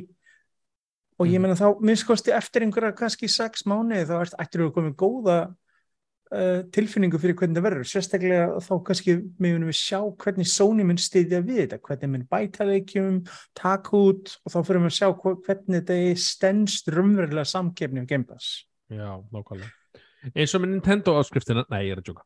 Þa, það verður í, það verður í þætti 40,1 sem þú verður einn í sem tekur upp á eftir. Nú er það þær frétti frá Nintendo. Já, það sem þú ætlar að að réttlæta Já. eh, 60 dólarna á ári Nei, nei. fyrir, Hérna, ok, en að það er uh, umræð fyrir annað, hérna, annað þátt. En að allavega, já, ég ætla að segja ég ætla, ég ætla að nýta mér þetta eins og þú, hérna, mm, ég ætla allavega að keira út fyrir árið, ég held ég, hún rennur út í desember. Ég er ekki Já. búin að uppfæra ennþá af því að þetta er eins og segja, þetta er búið að samin að PlayStation Now skrift og hérna Já, já, ef þú varst síðan voru uh, ótrúlega dúsi hvernig Sony gerði lokuð fyrir allar afskiptalegir í einhver tíma áður þannig að fólk gæti ekki stakka þessu saman til þess að Og bara, það var einhver marketing bara Æ, Sony á bara, sko, það bara klálega peningablokkarnir og Sony sem voru Nei, bara, sko, við já, þess að þeir hugsa, þú veist, það var, var búið, búið að leggja þetta borð, þeir hugsa ekki alltaf glöfuna svo risum, svo allir fólk var stakkað þessu bara, oh shit, Ég meina, come on, þetta, þetta var samt alveg þekkt dæmis, þetta gerist þegar Microsoft, þegar Xbox Game Pass byrjaði. já, þeir auglýsa reglulega, þeim, og aftur mútið brandinu þeim var, þeir voru bara, hey, go for it, skemmti ykkur, gera þetta. nákvæmlega. Við, þeir vilja bara fá fólk inn, fyrir, inn í þjónustuna, en Sony var bara, nei, við ætlum að stila borgir full price. Já, akkurat, akkurat þannig, Það var svolítið svona, það var svolítið svona, Sónilegt Ég- Það var ekki að hugsa út fyrir enda Það var svona stundum, stundum gleymaður aðeins að horfa á kúnunum sína og hugsa, ja, kannski gott að glæða annarslæðið. Sérstaklega það koma já. með eitthvað nýja þjónustu inn fyrir dittnar. Mhm, Nákvæmlega Já. hérna, uh, við erum eftir að t- ræða um tvo leiki hérna í, í allavega sem eftir á hlaðvarpinsins og hérna, Ok. okay. hlaðvarpsins þennan þátt og hérna ætlar að komast yfir þá uh, Við hérna gefa kannski Já. Bjarki orðið Bjarka orðið, hérna spilaðir hérna Kirby and the Forgotten Land Já, það er satt Þú spilaði hann líka eða ekki eða hvað? Jú, jú, jú, Já, kom út í mass ég, ég er búin að 100% með þess Já, nákvæmlega og farið svona já, ég vil ekki spoila fyrir hana, hana hlustendum en, en í svona plottinu, flashy, hana, flashy hérna main menu, hei þú er búin að 100% leiki! Það er svona nei nei, þetta var svona já, þetta er svona, þetta er svona gaman að kannski tökum umræðum Það er leikur sem er langur að spila. já, hann finnst er, hann ótrúlega skemmtilegur. Ég er bara kom mér á óvart, ég man alveg eftir þegar það var sínt úr leiknum og ég horfði á hann og bara, heyrðu ég, ég geði þitt til ég að testa þennan leik sko, en einhvern veginn svo þegar maður var byrjar að spila þá bara, þú veist, þetta var þetta er rosalega góður Nintendo leikur einhvern veginn, þú veist, á Já. Switch þetta er bara frábær þannig leikur og minnir mann svona, þú veist, fyrir þá sem hafa ekki spilað, þá var þetta um hérna Kirby, svona krútlegan kringlóttan, bleikan uh, gutta, eða það ekki? Gutta sem sogar þig og þú teynist í alheiminu eða inn í, já, það veit ekki hver að ferð þegar hana, hana, já, Kirby í borði og, og, Nei, nákvæmlega, hann, hann bara getur borðað allt hérna í kringu sig og, og, og hérna þá auðlast hann kraftana sem að sá hlutur býr að baki einhvern veginn, þú veist, það borðar eldblóm, þá getur hann spúið eldi og þú veist, það getur gleift eil allt þarna, það eru þú veist, bílar og óvinnir og bara endarast að dóta, þetta minnir svolítið konseptið á, á Mario Odyssey, þú veist, já, kasta hattin um eitthvað, að verða eitthvað. En, en, en Kirby eru þetta búin að vera með þessa veiki alveg mjög lengi, sko, það er að segja nákvæmlega. Ég hef aldrei verið á Kirby vagninum. Ekki Uh, heldur.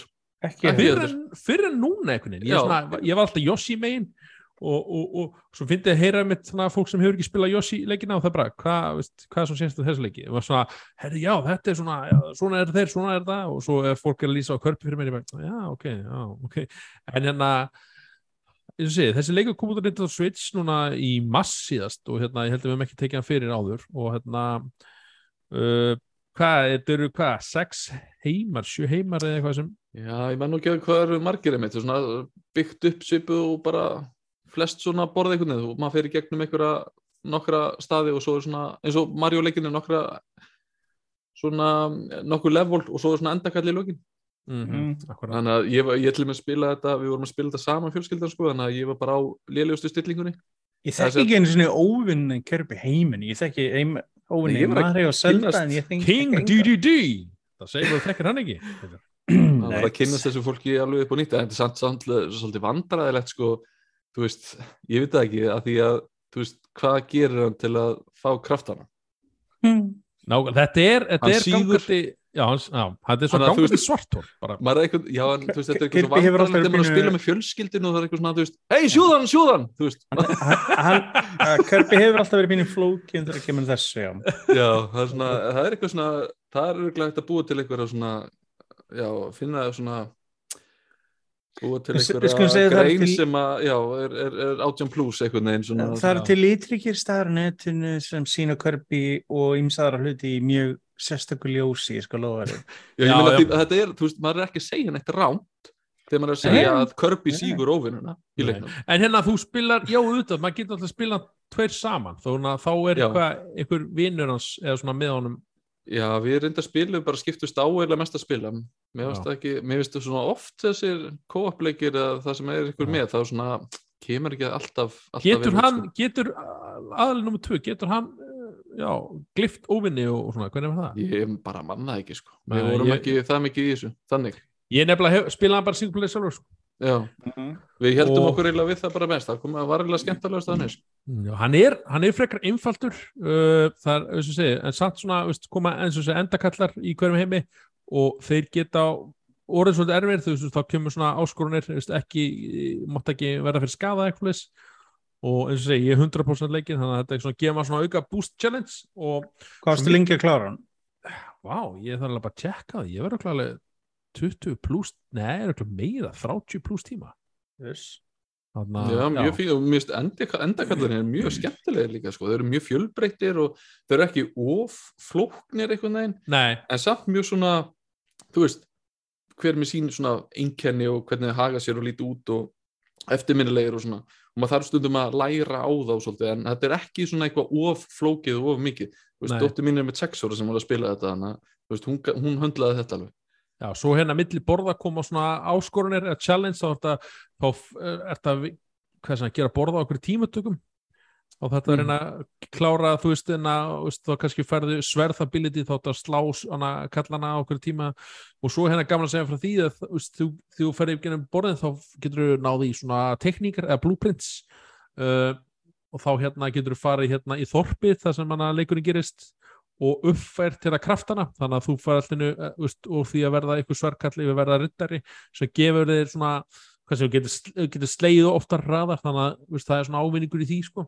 mm og sem getur gert líka endakallana auðveldari þú veist, ef þú, segjum einhver endakall sem er erfur og finnur hana teiningar og, og e, styrkir þið þá getur þú veist, farið endakallana til að gera hana svo auðveldari þú veist þá hana, já, nota abilities og það eru hvað fullt abilities, er alltaf sverð og það eru sprengjur, getur hent Bor. sprengjum.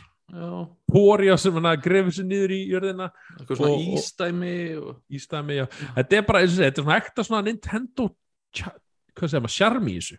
Alveg 110% ég bara, ég get ekki svona meira Nintendo eru mjög góður í Já, já. þeir í sinni einleikjum ég hef ekki skemmt með svona mikið í Nintendo leik bara síðan sko Mario Odyssey. Þú veist, með að fá svona Nintendo væpið bara alveg sko. Já, ég, eins og segja, þú náttúrulega þú varst náttúrulega þegar það kom út síðust hérna út hérna Mario 3D World þá náttúrulega varstu búin að spila hann á Wii U áður já, það er svo mikið svind alltaf það er ekki svitsleikur Nei, ég, ég, er, ég er að segja það, veist, þá, þú veist, þá, veist, þá varstu búin að upplefa áður þannig að veist já, ekki, já. þú veist, þannig að þannig að mjög góður samt sko. já. Já, Já, já. algjörlega. og hérna, já, ég er að vera samanlega það er svona, veist, gaman svona, þeir reyna svona þeir er einhvern veginn forsa og tróða kóupi í allt sem ég gera oftast sem er einmitt svona, það er gaman, ég er, þetta, er, er allt og óduglegur að prófa það Mhm. bara til að þurfi ekki að vera einn og, og hana, já, þannig að ég, eins og segi, ef það er eitthvað svona interesting og hana, áhugaverður um þetta og þá má ég mæli hygglust uh, með þessum ef þið vantar að leika á Switch uh, já, bara tek 100% stundu það bara get alltaf mælt meira með þessum leik sko. þetta er bara, ég myndi eiginlega segja skildu ekki sko. já, sérstaklega fyrir Ef Switch. bara Nintendo verið betri að setja sumarleikja tilbúð þá maður maður er búin að skoða hann ef þau gefa svona fá út á ári þá lætum maður sig hafa þetta. Ha. Já, þetta er svona er. Það er rétt. Uh, Já.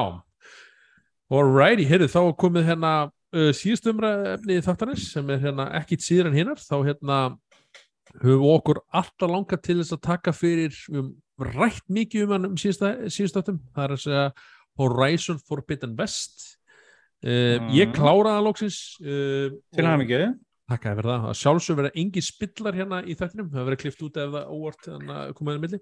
Uh, Samt Já, komnir, þú veist hvað, fjóri mánuður þessi leik kom út svo, Já, en já, já, ég- en ég já, að við passum okkur svona. alveg samt akkurat.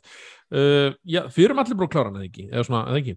Jú, jú, Já, þannig að þetta var, eins og segið, þetta er, eh, þetta er stærsti uh, Sony leikurinn til þessa á þessu ári um, það er bara klárt mál. Og hann kom út held ég í februar jú, komin í geng í 7. mars februar Já, ég, ég, ég afreka að klára hann fyrir hérna uh, hérna hvað segir maður, þannig fyrsta helming ársins. Já ársfjörðingin Árs, nei, ársfjórðungur, það er náttúrulega fjórðungur. Það er náttúrulega, ég klára hann í, í, í júni þannig að það er hann að okay. fyrst ár, bara fyrir helming ársins fyrri helming ársins, þakka fyrir sveit ah, og, og, ég, og ég stefna að klára hérna sem ég byrjaði í dag áðan að elda ring í setni hérna, helming ársins setni hluta ársins allavega, 18. februar kom hann út 18. februar, gekkja og hérna, og já, hann er hann er til á PlayStation 4 og PlayStation 5 Jú. og þetta er svona, en, en við náttúrulega spilum ég allir á PlayStation 5 af- vissulega, Já, ég pröfa PlayStation 4 góðan bara svona til sem langa að sjá hvernig hann virka. SS kem út, en Og ég rúlega já. gegnum hann algjörlega á 5 og það er óvægt að segja að þetta er alveg eh, með þeim fallegasti leik, fallegri leikjum sem maður er spilað, alltaf hvað náttúru annað litir. Og, og mm, já, þetta er svona hann, hann er að byrja bara alveg svolítið svona það sem fyrirleikur endaði. Já, Mm. ég man, man þegar leikurinn kom út sko, hérna, þá var, voru rosa margi bara veist, þarf ég að spila fyrir leikin, þarf ég að spila fyrir leikin þú veist, þetta er alveg þannig leikur þetta er, pínu, veist, þetta er bara eins og bein framhaldsmynd þú veist, Var ef þú ekki- vilt fara á setni var ekki eitthvað framhaldsmyndina, jú, jú, þú, þú getur alveg gert það sko. en, en, en þú veist, þú ert alveg að missa af kannski Já, sérstaklega sko freka mörgu sko. ég spilaði fyrirleikin fyrir þennan og, og, og, og DLC líka og fór beint í leinum 2 sem var svona pínu mistjöka þegar maður var svona úrvinda bara, ah, let's go again. að henni reynslu að spila marga eins leiki eða hvað þá, eitthvað svona Já, en- serju er hæ, hættilegt stundum. Og, veist, og, svona, og þetta er mikið eins í honum en svona alltaf bara allt er búið að taka í gegn og uppfært og með betra lukku annað og, og kannski bara fínpúsað. Um, eins og segi, það var sem Bjarki nefndi mitt að þetta gerist hana, það, í, í aðdrata fyrirleiksins er að alla personur eiginlega kom, sem komu fyrir hennum koma fram í þessum leik og meira segja personur sem voru sidequest í hérna uh, fyrirleik, ég man að ég, að því ég var búin að spila fyrirleikin áður þannig ég klára ekki öll sidequest. Þannig að allt er komið ykkur manneskja í nummer tvö, ég bara, hver er þú aftur? Já, þú lítur að vera eitthvað sidequesti sem ég mista af eða eitthvað fattari þannig. Að gera leikurinn að því hana, sem er alltaf aða persóna, hún þekkir alltaf þannig og, og hittir alltaf aftur. Og, svona, og, og þráðurinn er bara tekinu, hei, já, maður gætt að sjá þig aftur. Og kekja maður bara svona, Já. það er ekki svona kynning á sögunni þannig sé, sem er vissulega alltaf lægi, sko um, en eins og sé, það er náttúrulega maður græðir mest á því að spila fyrirleikin allavega. Og hérna eða horfa eitthvað mjög gott recap-vídeó en eins og segi, það er meira svona recap-vídeó ef, þú- ef þú spila hann bara með gleimunum en já, allan dag myndi ég alltaf mæla með að spila fyrsta leikin, hann er frábær. Já, hann er, hann er það góður, hann er það flottur og, og, og sagan líka. En, en eins og segja, það er mjög mikilvægt að taka recap-vídeó upp á sögurþræðin af því hann er, ég var einmitt búin að gleyma alveg svona sögurþræðinu þannig séð svona vendipunktin í honum, bara já, ok, nú veist, sem er gott að vita, því að mm. að beinu framaldi er, er sem sagt hérna mm, hvað sögurþræðinu, það er allt að lífa að deyja út af einhverju pláu má segja. Já, rauðri Eh, pláu Já, sem er svona eigðallu lífi í kringum veist, plöntum og annað og, og hérna og er að valda alls ekki sjútumum og þá þannig alltaf eiginlega að komast að því hvað er veldur. Og hún leitar vestur sem er the forbidden west eins og að kallað hérna sem er hérna vestur hlutin í batargjörnum og já, sögum þrann er svolítið því og þá kemstu að þennan að þennan á ákveðnum hana, hana, punktum. Það er að segja Uh, já, ég get ekki farið um mikið í sé. Nei, hann er nefnilega, þetta er þetta með Horizon, hérna mér finnst þetta svo frábært dæmi um hérna, að því maður hefur spilað svo marga leiki sem að gera sér svona opnum heimum. En þetta, hérna, Horizon eh, þessi næri alveg bara að sína að það er hægt að vera með stóran opin heim einhvern veginn en líka stóra og mikla og flókna sögu, sko. algjörlega, Því það oft svona er eða annarkort gerðnan svona aukaðatrið, þú veist, annarkvort færðu línulegan leik með frábæri sögu eða open heim með svona með sögu. já, já Mm. Þetta er alveg mjög, hann leggur mikla áherslu á að segja sögu í þessum leik. algjörlega, ég, ég Já. fíla það rosa mikið og, og hérna, og ég veist, þetta er mjög emotional rights og litt svo vel gert þar að segja, capið og hvernig persónu lít út, sérstaklega þess að PlayStation 5 og, og trúverða personur og ég, hérna, veist, ég kom til elvi, ég var næstu búin að fella tár veist, þetta var svo hjartnæmt og flott og þú veist, þarna já, og, og líka bara veist, það sem er búið betur en bæta ef við kemum svona strax í grafíkinu og animation sérstaklega, reyfingarnar og dýrunum. Þetta er svo trúverðar Já, tæknilegu hliðinni eitt og sér er leikurinn alveg frábær Veist, þetta, veist, þetta, er, er hérna sem sagt, óvinni leiksins eru svona, uh, svona þetta eru svona vélmenni, þetta eru bara dýr annark frá risalum og eitthvað svoleiðis í, í krókudílar og hérna og bara eitthvað dæmi handulópur og þetta eru svona vél, vélmenni sem eru hérna já, bara sem eru að uh, hugsa um jörðina einhver, einhver hluta.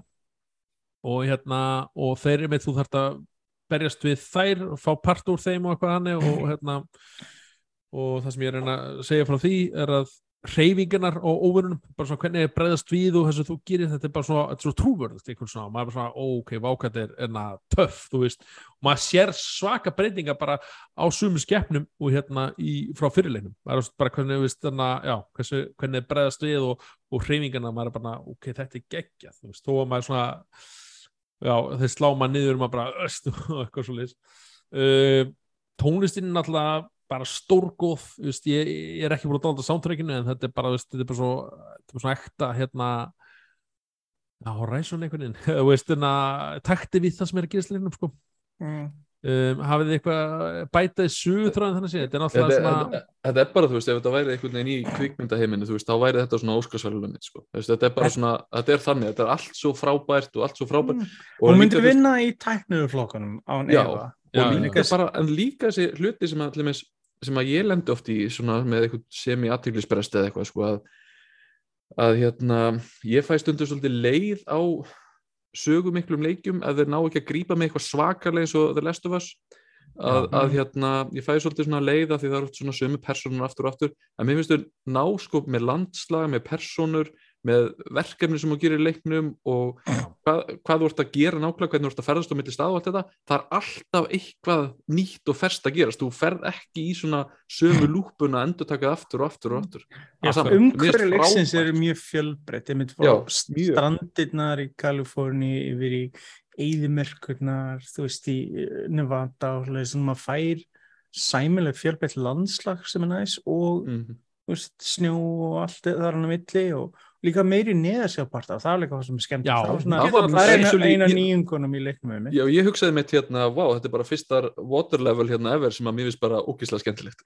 Já, en svo Waterloo eru einmitt allrænt fyrir að vera viðbjöður ekki þetta, þetta var indislegt, þetta var bara frábært sko. mm Já, já, eins og segi, þú veist, ég sé, mér finnst það sumir sögupartanir ekki alveg stjættir en almennt mér þetta virkilega góð leikur og ég er mjög spenntur að sjá hvernig þeir ætla að taka þetta í næsta leik það er ekki allt þríleiki í dag, skilur, óbent nei, já, svona, maður, maður býst alveg að vera einn leikur viðbátt sem klárar þessa sögu.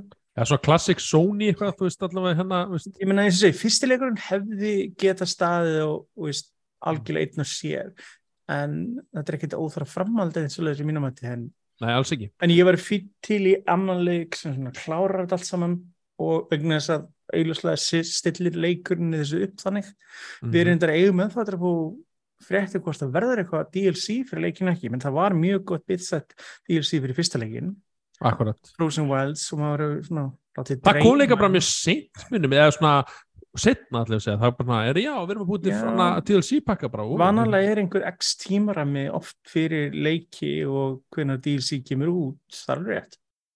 Og akkurat, þannig að, já, maður er að vona kannski einhver tíman, hvað lók þess ás, eða ásbyrjun, ég veit það ekki, kannski við fengum eitthvað svona já, það er, me- meaty DLC sem myndir svona, já, Þessi stage. leikur kom líka út svo frábærum tíma sko því að þarna uh, munið þetta eftir því þegar við vorum að ræða hérna bestu leiki ásins 2021 og þá vorum við bara endalist að tala um það bara vá hvað vantaði eitthvað að vantaði stóran, já, já, og þá kemur þessi leikur einmitt og bara gjörsalega fangamann og bara maður, maður saknaði þess svo mikið að spila ef, að- svona ef að leik Sony hefði haft þennan leik til launch að PlayStation 5 með, úf, já. úff, það er svakalegt. Það það er einn leikur sem ég menn alltaf eftir að taka yfir sem, er sem, sem gerði það verkum þessi hana, leikur fjallsóldi skugga hans. Það er alltaf Elden Ring sem kom út viku setna eða tveim viku setna þessi og glifti hérna Já, ég, ég sem mitt setti mér að takmarka með að klára Horizon uh, mitt áður en ég sökti mér í eldri en game hei, ég líka, en það tók mér bara fjóra mánuði já, sko, s- s- já, ég var einhverju viku lengur að klára en þú áttur á mútið að tókst þetta aðeins já, já, það var skólinn Metnaður. þarna.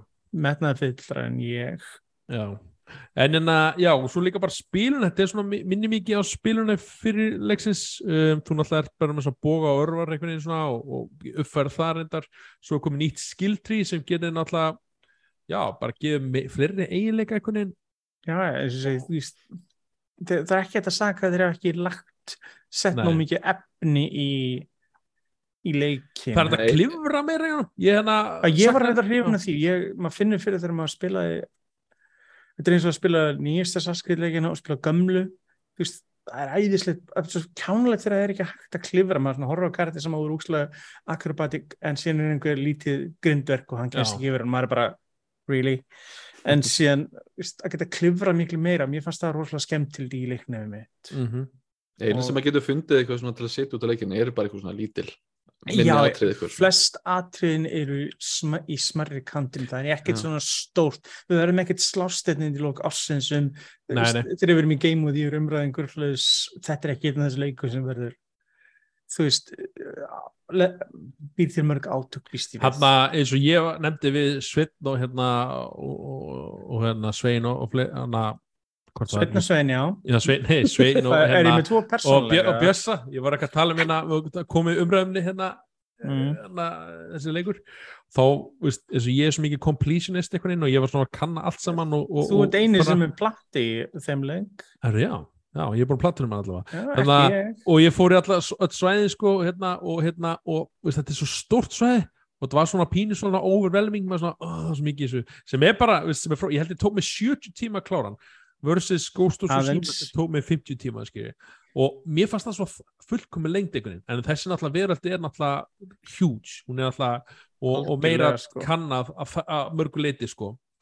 Þannig að uh, það, ég, er svo sem ekki þetta setja myndu það, en, en eins, og, eins og þú varst að tala um flæði sögutráin af því að ég kannski fóð svo mikið út fyrir einhvern veginn svona að kanna mikið að ég held að sagan veri, hefði verið meira svona betur hefði svona aðeins og deppa mér í næsta part næsta part. Hefði Já, ég- ég ég það eru vissi parta sem maður ekkert sagt maður hefði mátt strimnilega aðeins. Já, ég, ég spilaði leikið þannig að ég er reyni fókusaði bara alla tíman á main story sko.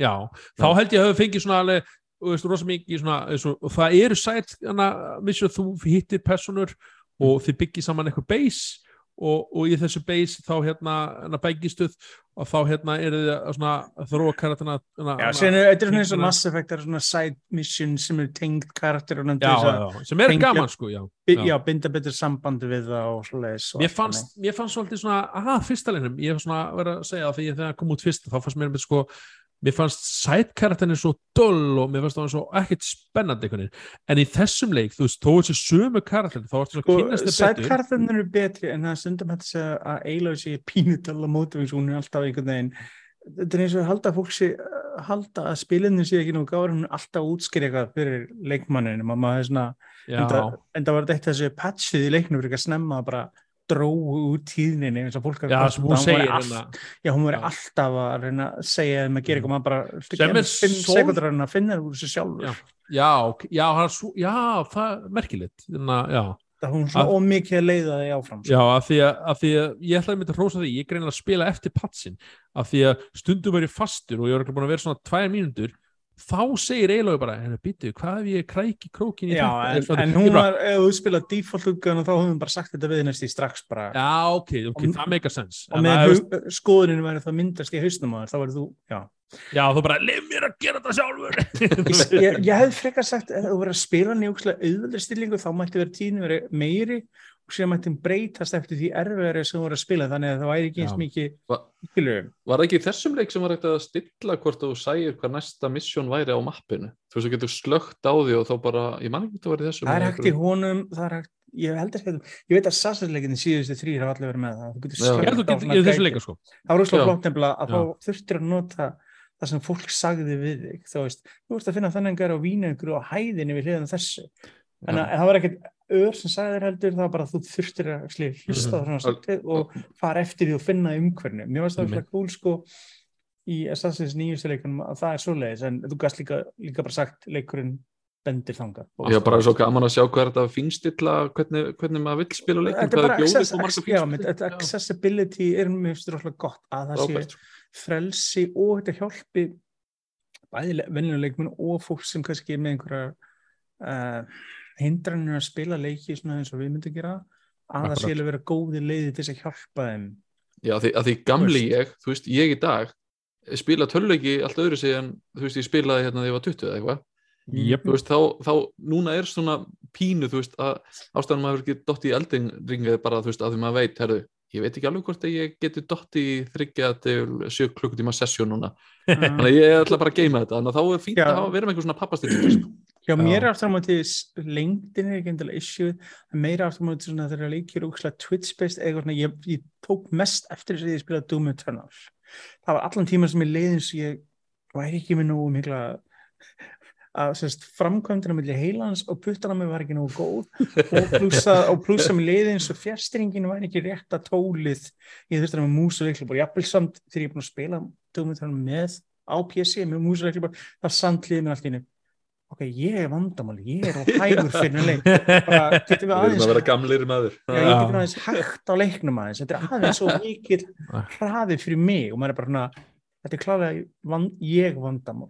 Þú Akkurat. ég fyrir, þú veist, x árum hefði aldrei sagt þetta. Ég, hérna, ég tók ófá screenshot í hérna með PlayStation Share og þetta er, eitt, þetta, er bara þetta er klassisk screenshot-leikur Já, og þetta er bara, personun, auka personun, það eru alls svo trú, eða svona marga trúverðar. Og sidequestin eru æðslitt, er svona, veist, að með hana, veist, maður kynnist personum annað og, og, og bara sem heimi, veist, þetta er ég svona vildi bara óska þess að þetta Gorilla Studio sem hún stækkar svo mikið ég var til að sjá sama level of detail og gæðum lagt í nýjan Killzone-leik Úff, Já, ég held þú að það sé svona hvað sem var, ekki dauðu hestur en svona, þú veist, já. Nei, nei, langt frá, ég menn það er það langt síðan, ég menn við fengum eitt Killzone leik í byrjun pleysin fjögur kynslarinnar, oh, hann var, já, hann var flottur samt, en hann var bara svona, þú veist, hann var ekki droslega metnaðföldur. eftir tvö þá fórst mér svona alltaf ja, niður þrjú var, sko, tvö var endur solid leikur þegar þú kemst fram í öllu rugglinu í kringu framlýslands. já, ég held ég Þrjú var bara já. stúpid upp á sögu, sko. ég held bara- ég spilaði þrjú með þrítiklir og það var svona þríti Já, það var, hann var á þeim tíma þegar þrýti já. æðið var sem mest í Ég vil fá tölvuleikjum og 3D öllu. aftur Nei!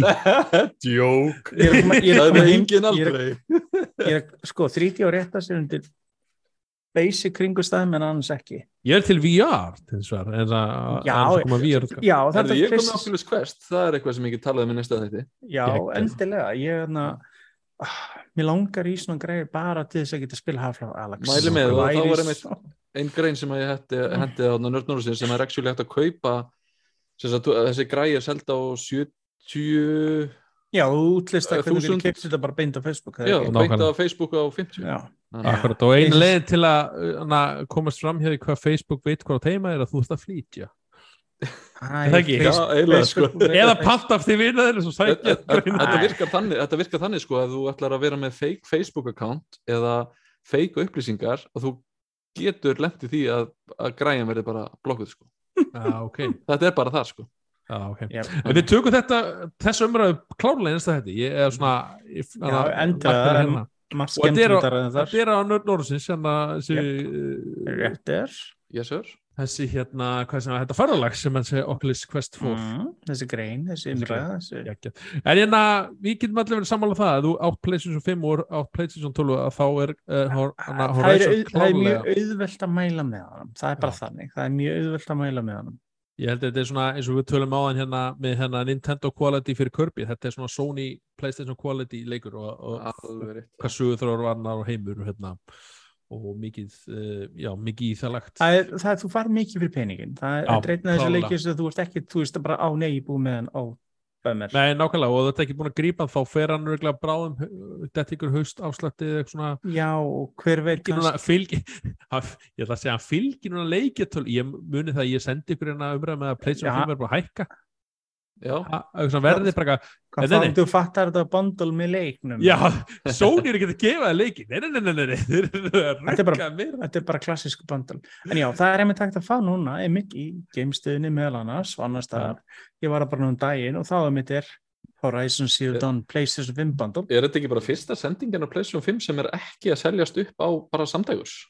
Ég myndi segja það. Hann er, sko, búið að sinna eftirspurninu á Íslandi? Það er, er með spurningin, hvort þið séum loksins að metta eða hvort Ég er alltaf að sjá núna PlayStation 5 á, á svona viðráðlega verði líka í öldursúlu þau svona hugsa bara, ok, hann er ekki að um 110 sko, 120.000, það hefur líka eitt sem hefur gæst líka í sambandi við mitt í svona samtengdri umræðu ég mitt út af skjákostæfintinu mínurleis þá er mitt hefum að sé mikið breyting á þeim bransaði mitt á síðustu þrem, fjórum mánum versus hvernig var undan. Þess að það var Mhm. sama geðvikinn þar þar sem skjákort voru á bullverðum notuð eða hvað sem er og allt saman. Og núna hafði lækkað, þeir eru ekki ennþá komin í þú veist, góð þau eru miklu betri verðin en þau eru það há en þau eru miklu betri.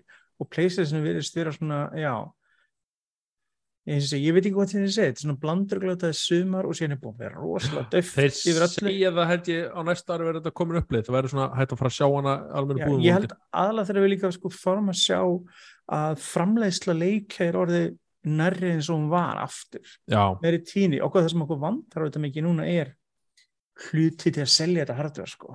Nákvæmlega, veist, nákvæmlega. við erum kannski verið nálgast að hardware séu aðgengilegt en þá einhver, eitthvað til að spila þeim Akkurat. Heyrðu, ég held að þetta sé bara frábær punktur á 40. og fyrsta þáttin. og fyrsta, að næsti þáttu verður er klálega 41. frægur ein, Já. já, eitt og sér fyrir, töluna svar við öllum spurningum. Það er rétt. já, ég meina við reynum að koma hanglæðin með okkur og fyrir, fyrir þá sem er aðeins að ungir eða fatt ekki, þá erum við að, tala, að vísa í Hitchhiker's Guide to the Galaxy Ó, þetta er útskipta? Nei, tjók. Nei, nei, tjók. ég get Heyrðu- komið heimtíðin og slegið þau þú vilt, ekkert mál ég veit Ég loka bara, lo, ég loka bara grindverkinu, það kemst ekki fram. ég, ég, ég, og, og Facebook vitum hvar þú átt heima, ok? Akkurat, já, já. Ég spyr bara Facebook. Heyrðu, ég hérna bara takk kærlega hlustendur fyrir að hérna, já, koma Já. í gegnum hlusta, gegnum þáttun okkar. Uh, þið finnum okkur náttúrulega á helstu hérna uh, hérna, miðlum, það er að segja Nörd Norðursins, þetta er hlaðavarp Nörd Norðursins og það er nördnorðursins.is og svo erum við á Instagram og við erum með þess að TikTok, er það ekki? Ég, ég er ekki einu sem er TikTok installað ennþá. Erum við það Björki? Já, Sveit, já, já þú sagði mitt senast og við værum ekki með TikTok en sannleikurinn ég- er sá, við erum með TikTok en ég held að það sé bara mjög hérna tómlegt inn í herbygginu okkar, ég held að það sé Ég- fíu ég- ætla að vera mjög erfiður að vera síðasti maðurinn á landinu sem installar TikTok. Þú tekur næsta TikTok dans, Sveit, það er bara þannig. Flossið nætt hérna eða eitthvað, ég veit það ekki. Eh, Ég hef tilkynnt að ég hef sagt upp störfum en bara þegar kemur á dansatriðum. Og ég mun ekki sinna neinum dansatriðum, ever. Já, en þetta er búin að vera stúð fullur þáttur, við fórum náttúrulega yfir uh, Teenage Mutant Ninja Turtles, uh, Nintendo Direct Mini, Playstation, Umræður og Horizon og Kirby. Ótrúlegt þá komið sumar, þá er samt hluti þetta að tala um. Sérstaklega, já, og bara eftir allar þessar kynningar en að þá eins og segja, þetta er en að uh, við ætlum að reyna að vera alltaf annarkort með vikulega þætti eða tvekki vikna fresti, það það fyrir Það alltaf eftir bara maður, ríf okkur aftur og það fyrir bara eftir hérna umræðu, hvað er í bóði, bóði? ég meina við erum Já. að tala um Elden Ring þannig að Hann ég er einmitt að, dúla mér í eldring aftur á PC núna. Æðislegt. eftir að hafa 100% á Xboxinu þá er ég að dúla mér í hún vel gert, vel gert. Þannig ég get talað um það að endalist Er eitthvað, já, er eitthvað annað sem vilja betta við? Nei, það er bara hérna, bara flott. Bara gleð sumar Já, gleðið sumar, já, það er alveg komið sumar. sumar Það er- er actually, já, ég, ég náðu solbrennum helgina, það er eitthvað Það er nú Ég að snjóa, snjóa eitthvað staðar hérna á Íslandi eitthvað já. það snjóaði í fjöllinu Ólafsson daginn ég sá myndir að ég mér langaði að gráta ég sá grátt í fjöllunum og ég bara bjaktuð var ég bara allan tíman sko. Íslandsumar, það er svona það, það er sól og snjó til skiptir þú veist þetta á Íslandi þegar það er Nákvæmlega. Herru, annars bara takk fyrir samfélgina í dag og við erum bara sæl og blessuð, þetta er næst. Bless Bless.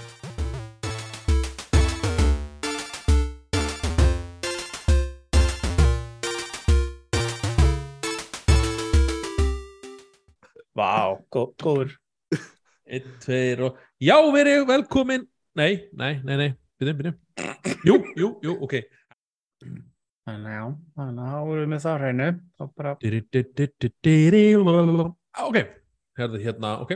Uh, ég reyna að vera, ég ætla að reyna að vera skýrmeltur. Ég get oft verið svona, þetta hýtar allmyndinu já, ég, ég, svona, Það var að er segja þrísessunum hratt fríbrotin blíkringla já, grillið glamrar, grillið glamrar, grillið glamrar. Ok, þetta virka líka. Ú, gert Herru, þrý, tveir, e- e- eitthvað.